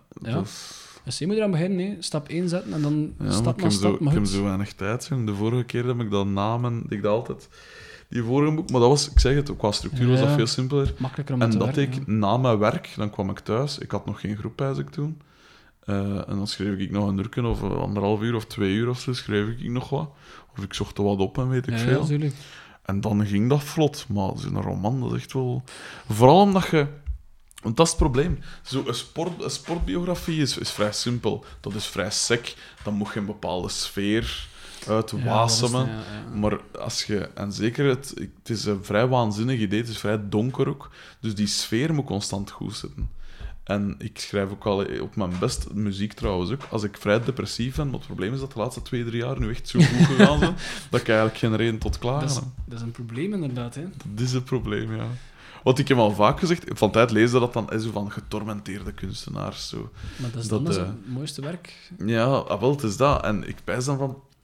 Ik heb echt al gezegd tegen... Ik, pijs, ik kan het om met mijn moe een keer horen, want mijn moe heeft, ook, eh, heeft veel tekentalent. En, en, en die, pas op, die, die heeft er nooit iets mee gedaan. Hè. Maar eh, omdat ze veel te nuchter is, veel te gewoon eigenlijk. En, en ik, kan, ik was daar eens over bezig en ik zeg zo van... Allee, ik heb dat dus ook met dat mijn vader zo vroeg gestorven is, dat ik iets wil achterlaten. Hè. Pak nu dat ik een kleine heb en die maakt hetzelfde mee als dat ik meegemaakt heb. Dan wil ik dat mijn kleine meer eet als... Ik heb een filmpje van Ja. een minuut en een half of Ja. zo van mijn va en ik heb wel zo een brief van hem een keer gevonden. eh, en dat is het. En een paar boeken dat, dat, dat ik had hem en zo. En dat is het eigenlijk. Dus ik wil iets... Ik wil dat mijn kleine mij kent in, in... Ik vind dat de essentie van... Of min of meer wat dan een mens speciaal maakt, zijn eigenlijk zijn talenten. Ik bedoel, Ja. humor en zo, dat, dat leren we allemaal wel. Iedereen heeft wel een soort gevoel van humor. Dat is vrij algemeen. Of, of karaktertrekken. Ja, ik bedoel, Ja, ja. ze, ze vallen... allee, karaktertrekken, ja... Iedereen is hoe dat is. Maar talenten, dat is echt wel iets... Daarmee kun je echt wel echt onderscheiden van een ander. Ehm, gelijk, zeker bij schrijvers... Die ene roman, daar zitten zoveel woorden en zoveel zinnen in, dat eigenlijk geen ene schrijver dezelfde is. Gelijk een Brusselmans, altijd overduidelijk veel invloeden van Gerard Reven, maar dat is overduidelijk niet Gerard Reven. En, en Ja, ook al trekt dat wel neig op één. Ja. En ehm, dus daar kun je echt wel een onderscheid in maken. Muzikanten uiteraard ook. Eh, eh, gelijk... eh, ik pijs dat Bach en Hendel, dat dat ongeveer dezelfde tijdsdingen was. Ja, die zitten in hetzelfde tijdsframe, die zitten in dezelfde landstreken, weet ik veel. Dezelfde invloeden en wat is het allemaal. Eh, en toch is dat, zelfs in de barok, is dat iets volledig anders van elkaar. Ik wil maar zeggen, zeker in, als uw talenten in de kunsten liggen, dan kun je daar heel... Allee, zij, als je er wat goed in zet, kun je echt wel een uniek beeld van jezelf creëren voor een ander. En daarom dat ik dus wel echt die... die- ik wil die roman... eh, ik wil die echt wel schrijven, en dat gaat er ooit wel van komen, als ik ervoor nog niet overheen ben of zoiets, of allee, eraan ben. Eh, maar dat moet echt wel, eh, die, dat, dat moet echt wel heel goed zijn. En dat moet echt wel, die sfeer moet goed zijn. En ik zei toen ook tegen mijn ma van, ziet, ik wil gerust, pak nu, eh, pak nu dat ik twee jaar echt een ellendig leven moet hebben om een groot, iets, iets, iets groot af te leveren, iets van, van echt een Ja, zekere waarde, ja. dan heb ik dat er echt wel nog voor over. Gelijk als dat, als je mager wil zijn, ja, dan moet je regime en dan moet je sporten en dan moet je dus een periode dat allemaal iets minder leuk is. Allemaal. ja. Dus ik zo heb ik dat ook wel op mentaal vlak, dat ik dat er wel voor over heb. Maar ja, je kunt moeilijk... Allee, ik heb nu een heel goede relatie. Ik kan moeilijk mijn lief gaan buiten smijten om ja. een boek te schrijven. Allee, dat, dat is wel moeilijk. Dat is nogal drastisch, inderdaad. Ja. Het is dat. Maar dat is dus wel een... Allee, ik vind dat dan inderdaad wel straf van Matthias, dat een puur... Dat een inderdaad, ja, dat een eraan begint en dat een dat, dat, een dat gewoon doet. Ja, En dan dat vervolgens ook gewoon afwerkt. Hè. Ja, je dat kunt is inderdaad dat. aan beginnen, halverwege ergens de, Het is dat. de interesse verliezen, maar je is het compleet tot aan het einde aan het afwerken. Dus, Is zalig. Ik vind dat echt cool. Ik heb hem ook direct... eh, ik pijs toch dat ik dat al gedaan had? Ja, dus, want hij zei me dan nadat ik hem geïnterviewd had. En eh, ik had hem direct wat, wat adressen doorgestuurd van uitgeverijen en zo. Ik hoop nu wel dat er iets van komt dan ook. Want ja, waarom zou het niet kunnen lukken? ja, het zal Er wel. worden zoveel boeken uitgebracht. Ja. En zeker debutant, daar zitten ze altijd op te wachten. Ehm, was er nog iets dat ik nog moest vragen over muziek? Eh, wacht, zeg, want mijn, mijn hersenen beginnen wat troebel te worden. ik heb veel te weinig slaap gehad van het weekend. Oh ja. Eh, wacht, dus we hebben een apparatuur gehad, we hebben de platen gehad, we hebben een paar anekdotes gehad van mm, die dingen. Ik pijs eigenlijk min of meer van wel. Gezijdig, ah, dat was het ook. Gezijdig nu eh, nieuwe nummers gaat schrijven voor Team William, Ja. dacht ik. Hè? Is er een. ehm, Allee, ik zal het zo zeggen. Omdat dus die eerste plaat en die tweede plaat zo radicaal verschillen qua Qua, qua sound. qua sound, qua, ja. qua tijdsframe, zo gezegd, ter referentie, is er voor de nieuwe, wordt er iets vastgelegd, of is dat, of Ja, ja, zie je waar dat uitkomt? Er is een soort concept Er van, is, we willen... er is een concept. Er is een heel duidelijke lijn zelfs. Is het echt? En kun, mag er al iets van geweten Dat is zijn? misschien het- scoop, hè, eh, dat je nu Ah, het krijgt. Eh, Oké. Ja, nee. Eh, ja, we gaan veel meer teruggaan naar die, eh, naar die lo-fi eh, eerste plaat, die William-achtige Hmm. klank of, of Ja, echt songs. En, en echt zo uitpuren wat het, waar dat die William enorm, enorm goed in is. En dat Mhm. is gewoon dat soort, dat soort muziek brengen. En dat is... Iedereen zit ook op dezelfde lijn. Daar, allee, we, kijken zoveel naar dezelfde documentaires of zo, of films dat we aanraden aan elkaar of zo. En, en heel veel van die dingen kaderen ook echt in dat, in dat idee. Hm. Zo, ja, eh, een stom voorbeeld, bijvoorbeeld nu laatst eh, was zo de film waar we allemaal over bezig waren, Spotlight. Is zo die film die juist uitgekomen is. Ja, was dat met die een drummer? Was dat dat, hè? Nee, Spotlight gaat... Ah nee, dat is dingen. Ja, dat is nog een ander... Hij lijkt er goed op. Ik weet wat hij wil zeggen. Ja. Ehm, Spotlight gaat over dat misbruik bij de kerk. Zo. Ja, juist, En dat dat was is gewoon, de NC heeft dan niets te maken met muziek, maar dat straalt wel een bepaalde sfeer uit. Die, Mhm. die ja, zo die... Van de Boston Globe of zoiets, Ja, was dat ja, dan? ja, ja. Dat- dat gaat over heel die pers, hoe dat de pers ermee omgegaan is. Spotlight was die afdeling die dat... eh, Ja. ehm, Dat is wel cool, en, allee, wel zo, van die dingen... eh, Love and Mercy, die documentaire Mhm. over Brian Wilson van de Beach Boys. Zo, zo al die dingen die passeren, dat we, zo, dat we allemaal naar kijken. Allee, apart natuurlijk, maar Ja. dat we wel gebruiken als input voor... En dat zijn we ook van plan zijn om wat inspiratie op te doen voor de volgende plaat. Om weer dat vintage gevoel te krijgen. Is ook samen zelfs naar films kijken. Gewoon. En Ja. daar gewoon op hetzelfde moment samen naar kijken. En dan daaruit voortgaan en dan gewoon repeteren daarna of zo. Of Mhm. dat soort... Wat dan me nu wel te, te binnen schiet, inderdaad, of allee, waarom dat ik het niet raar vind dat je terug zou gaan naar die sound, is toen dat die eerste geschreven weer, ehm, was er niet echt een, bij mij weten, niet echt een soort revival van de 90s sound. Nee. Toen dat die tweede geschreven werd, was er echt wel een 80s vibe gaande. Ja, dat is waar. En dan vind ik het wel cool dat je ehm, eigenlijk pardon, bijna terug gaat naar dat oorspronkelijk, dat oorspronkelijk geluid of zoiets. Allee, ik zeg nu niet dat je op, dat je al op een tram bent meegesprongen, want dat kan ik me moeilijk voorstellen van Floris. En zeker in de situatie Nee, waarin dat toen Dat was gewoon de nummers die eruit kwamen. Voilà. op dat moment, ja. Het is dat. Maar ik vind het wel cool dat je dan zegt van... Niet bewust of zo, waarschijnlijk. Van kom ja, eh, dat kan dan wel zijn dat dat toen eh, een 80s tijd was. Maar bedoel, we maken gewoon wat dat we... Het is niet dat je een trend volgt, zal ik het zo zeggen. Nee, dat is de bedoeling Want je- hebt groepen dat inderdaad zeggen, oké, wat is er nu min of meer in? Ja, en we gaan daar, zo eh, een beetje daar onze sound naar modelleren. En dat is dan wel goed dat je... Mochten er mensen dat dat pijzen, dat je dat direct ontkracht dan wel ook. Want ja, ja, een eerste ja. plaat, daar Ja. kun je moeilijk op afgaan. En een tweede, ja, dan kun je wel zeggen... Allee, ja. Maar ik vind, die eerste, ik vind die eerste, ik heb die altijd heel goed gevonden.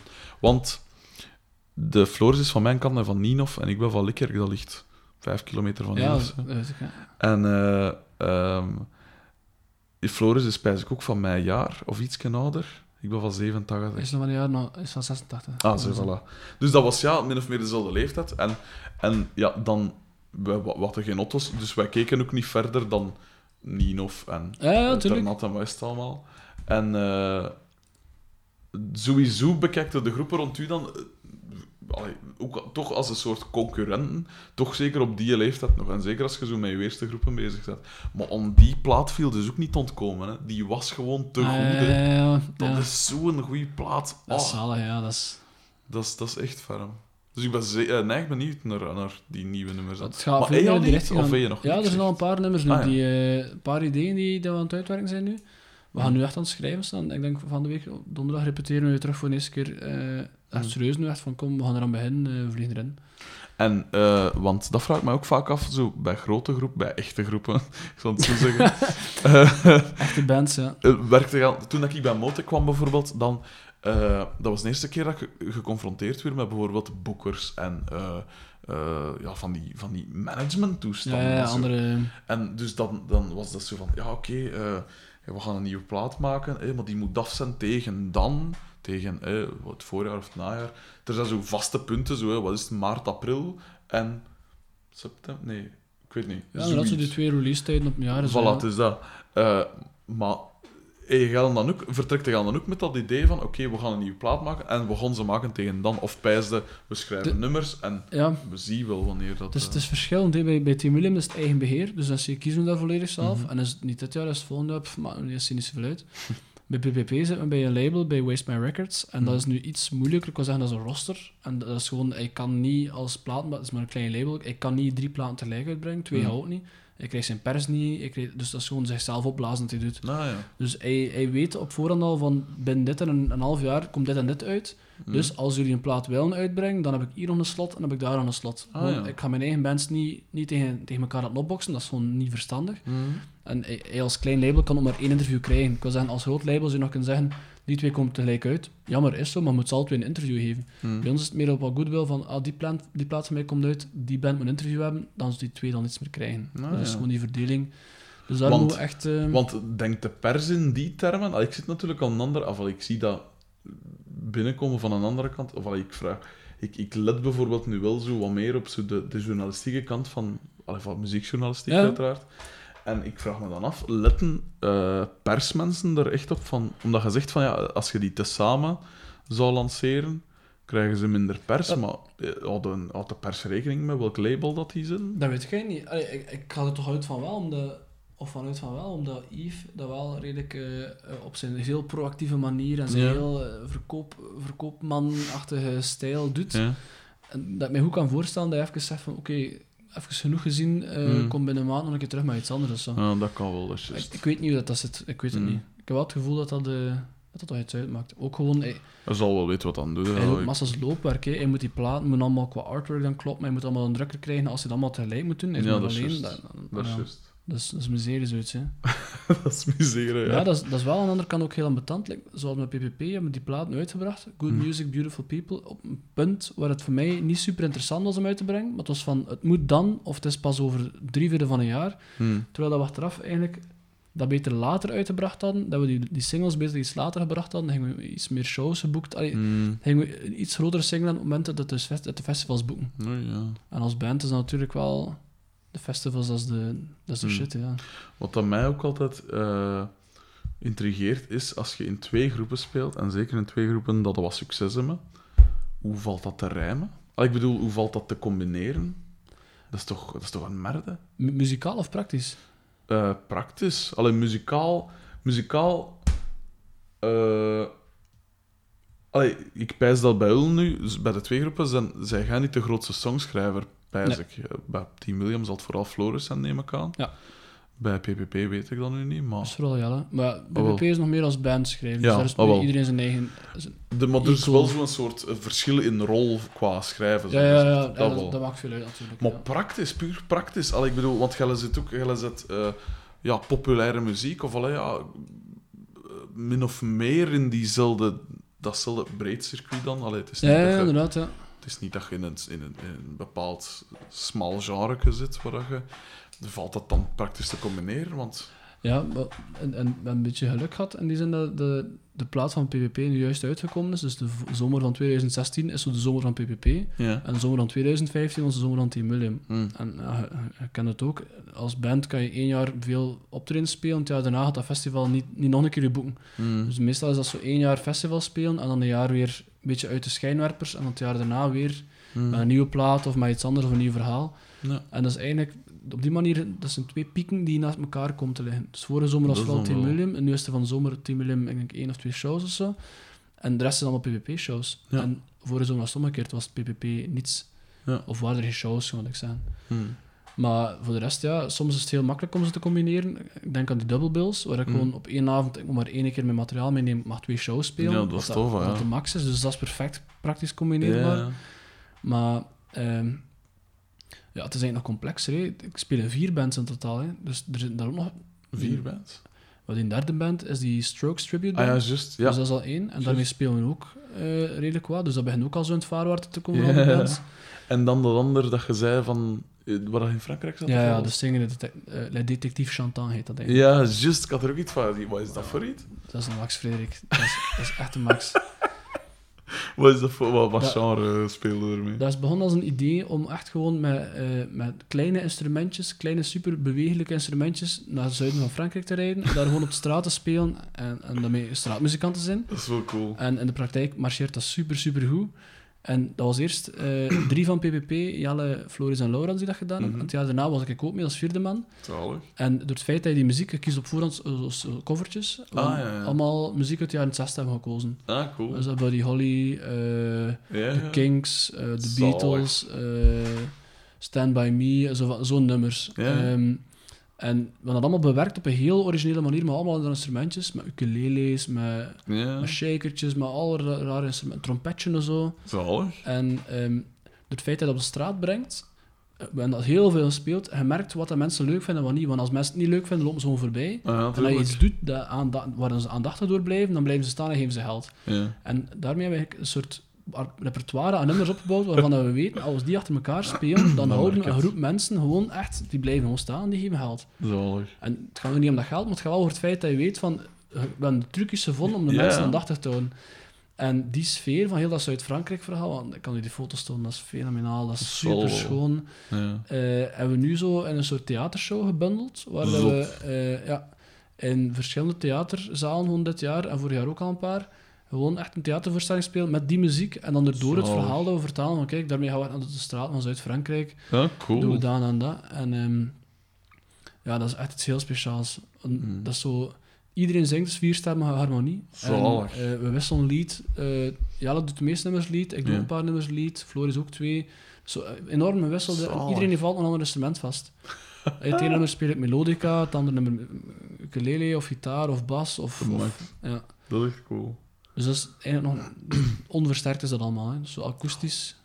Jaar. Dat is wel iets heel... Cool. Heel anders. Dus ah, je verstaat dat- er nog een keer bij. Dus vier keer dingen die geboekt worden, vier bands die moeten repeteren. Eh, En daarnaast nog ingenieur zijn. dus ze verstaat dat mijn vorige vriendin eh kwijtgespeeld ben. Hè. Ik begrijp dat, ja. Jammer genoeg. Ja, maar... Ja. Ja. Ik, ik- ja, ik zeg het, ik ben, ik ben zeven jaar vrijgezel geweest toen dat ik geen groep had. En dat is kloterij. Ja, dat is miserie, denk ik. Want er is, je kunt jij je kunt jij wel vrijgezel zijn en, en muziek hebben, of je kunt jij wel eh lief hebben en geen muziek hebben. Maar de twee niet. Maar de twee, dat gaat ook. Maar eh, ik speel dan liever mijn lief kwijt door muziek, als dat ik Ja, ja, ik weet muziek moet opgeven omwille van een lief of Ja, zo. Dat zou ik niet gaan, dat zou ik ook niet willen. Ja, dat is nu tof. Ja. Mijn, mijn, mijn lieve nu is, is zelf muzikant, hij speelt zelf in ook. bands. Voilà. Dat is fantastisch. Hè. Dat is ideaal. Die verstaat dat. Hè. Tuurlijk. Dat, is, dat is de shit. Hè. Ik moest van het weekend drie keer optreden. Ik heb, we hebben niet... Want zij studeren nog hier in Gent. Mm. En ja, wij spreken dan meestal in het weekend af. Want ja, ik werk s'avonds, dus s'avonds kunnen we weinig afspreken. Mhm. Dus ik zie die eigenlijk meestal in het weekend. Maar van het weekend moest ik drie keer spelen. Wel, ze is twee keer komen zien. Want het was twee keer in Gent ook. En, eh, maar we hebben niet kunnen, ja, kunnen chillen en Ja, ja. weet ik veel en Ja, zo. Maar die begrijpt dat volledig. Hè. Terwijl je het andere meisjes dat zeggen... Oh, je ging met mij naar dit of weet ik veel wat. hè. Ja, dat is miserie. Dat is, miserie. Dat is miserie. Buiten kegel. Direct buiten kegel. Ja, vooral zo. Ja, je lief meenemen naar een show, dat is niet gemakkelijk. Hè. Nee, ik doe dat ook niet. Eigenlijk doe ik dat niet graag. Maar lief zo moeten meepakken naar een, naar een ding, want dan moet je... Ja, is er plaats in de camionet, of moeten we met een andere is- auto gaan, of weet ik Tuurlijk. veel. En al dat wachten, dat is gewoon niet altijd super tof. het Op is het podium staan is super tof, maar als je dan maar mee zit, om dan zelfs niet op het podium te staan, dan versta ik wel dat je zegt, ja, pff, het is zo. Zo. ja. Oh, over buitenkegelen gesproken. Ik ga me hier laten buitenkegelen, want het is al 20 na 12 en jij moet werken waarschijnlijk morgen, Ja. neem ik aan. Allee, ik ook, maar wel pas in de namiddag. 20 naar 6 eruit. Oh, min dit. Ja, Ja, dan moet je dat zeggen, hè, jong. Nee, het Voorhand zal, dan... het zal 10 voor 7 zijn. Ah ja, oké, ja, ja, dat maakt het veel beter. Ik zou je enorm willen bedanken. Sorry voor mijn stem die altijd heeser wordt, maar ik heb heel weinig geslapen. Merci voor de Was de, de Wat chai was het latte? dan? Chai latte is dat. chai latte. Chai latte, ja. Oké, ja, dat was... Ja, ik heb het... eh, het was vrij rap liggen, dus het was wel oké. Het was aangenaam of het was... Maar ja, ja, ik zeg het, ik ben geen, geen theemens, maar het is eigenlijk meer, meer melk met, Het is melk met thee, ja. met thee. ja, voilà, dat was iets raar. Eh, maar wel cool, oh, ja, ja.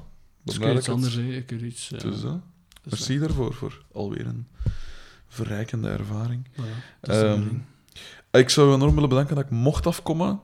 Eh, het eten was ook heel tof.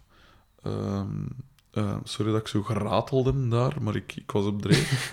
Maar ik was zeer geïnteresseerd, Frederik. Dat is het, eh. Het is dat, het is dat. Of op zijn minst, hoe, hoe laat hem blijken alsof, dat weet ik niet. Oh nee, ik, ik ben oprecht in heel veel dingen geïnteresseerd. Dus Oh ja, wel, dat is te beter. Maar ik zou het wel begrijpen moesten... Oh ja, want de keer dat ik vertrek, dan... Dat is gelijk Polle van Triggerfinger.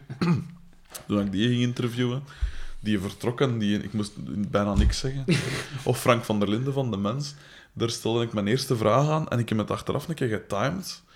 Eh, want op dat moment viel me dat ook al op. Dat die, die, ik stelde mijn eerste vraag en die een babbel. En die een bleef babbelen. En toen ik mijn tweede vraag stelde, waren we 52 minuten verder. Dus die heeft meer dan 50 minuten gewoon gebabbeld. Gewoon aan één stuk. Dat ik dan zo, ah ja, ja, ja, oh ja, cool, cool, super cool. Ja, ze gewoon er zo tussenwerpsels en dan gewoon blijven gaan. Dus eh, ja, nee, maar ik heb dat van tijd ook soms. Hè, dat ik, als ik bezig ben, dan. Maar ja, merci dat ik mocht afkomen en tot eh, binnenkort nog eens. En Ja. veel succes met de nummers. En alle bezigheden en de ingenieurswerken en wat is het allemaal. Cool, merci. merci, merci. Tot de volgende.